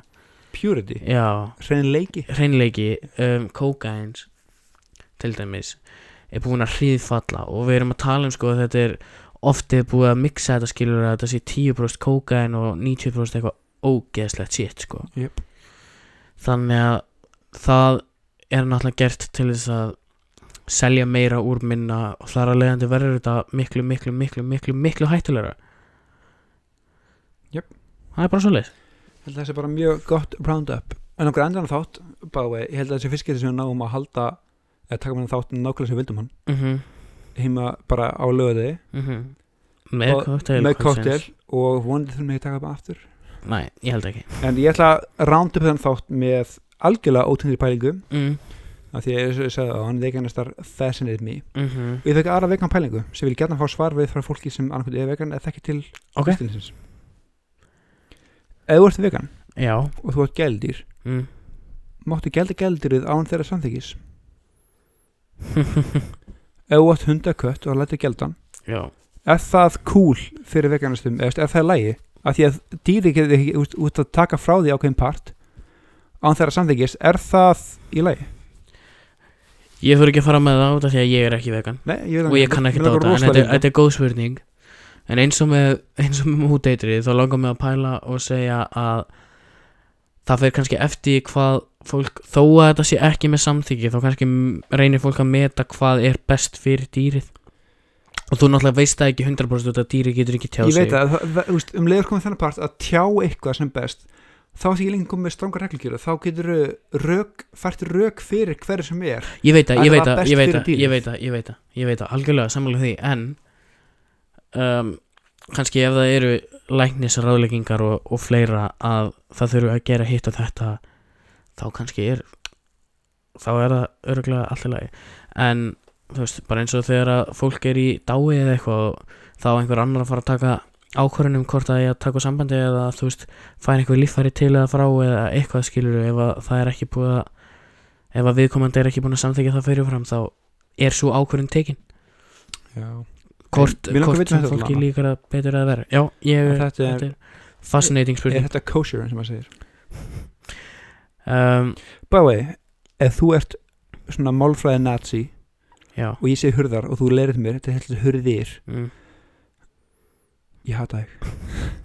Var einhver að leira þetta þig? Já, Marja já, nei sko, ef, þú- ef þú ákveðar taka þannig punkt ef þú ert það nitpiki og þú segir hurðir þessi hurðar mm. þá skal það vera með allan 85 pluss í meðleikunum mennskóla já af því að þú þetta um mig þá er ég að fara að býða þig um að recita öll þrjúlegum al Newtons ef þú ætlar að svo mikil stiklir á já, ef við tengjum þetta inn í fyrstu eða fyrir umræðana skilur að Mhm. íslenska skiptir ekki svo mikil máli. Næ, hún gerir það ekki. En við viljum samt haldi hana. Haldi henni á já, ekki, Ef- ef ekki, mig, ekki, er en ekki en forsana Já. um, já, uh, ég held að það sé góður góður uh, Þú starf ert til að að enda enda þetta já, algjörlega. Um, endilega ef þið eru samanlega ósamanlega eitthvað eru Já, please, einhver vegan veit svara þessu, en látum við vita. Já. Því að Þetta er ekki ég að vera einhver ignorant holiday Mér langar virkilega að vita þetta. Já. Um, Og follow okkur á Instagram at gingikastið um, Við líka Við líka þakka innilega fyrir móttökunnar á þeim þáttum sem við höfum gefið út hinga til. Þær eru búin að vera okkur bjöstu sko. Já, þetta er búið að vera bara overwhelming um, viðbröðin sem við höfum fengið frá alls konar mismunandi fólki og, og viljum þakka ykkur innilega fyrir að hlusta. Yes, bara ég þrá bara en dag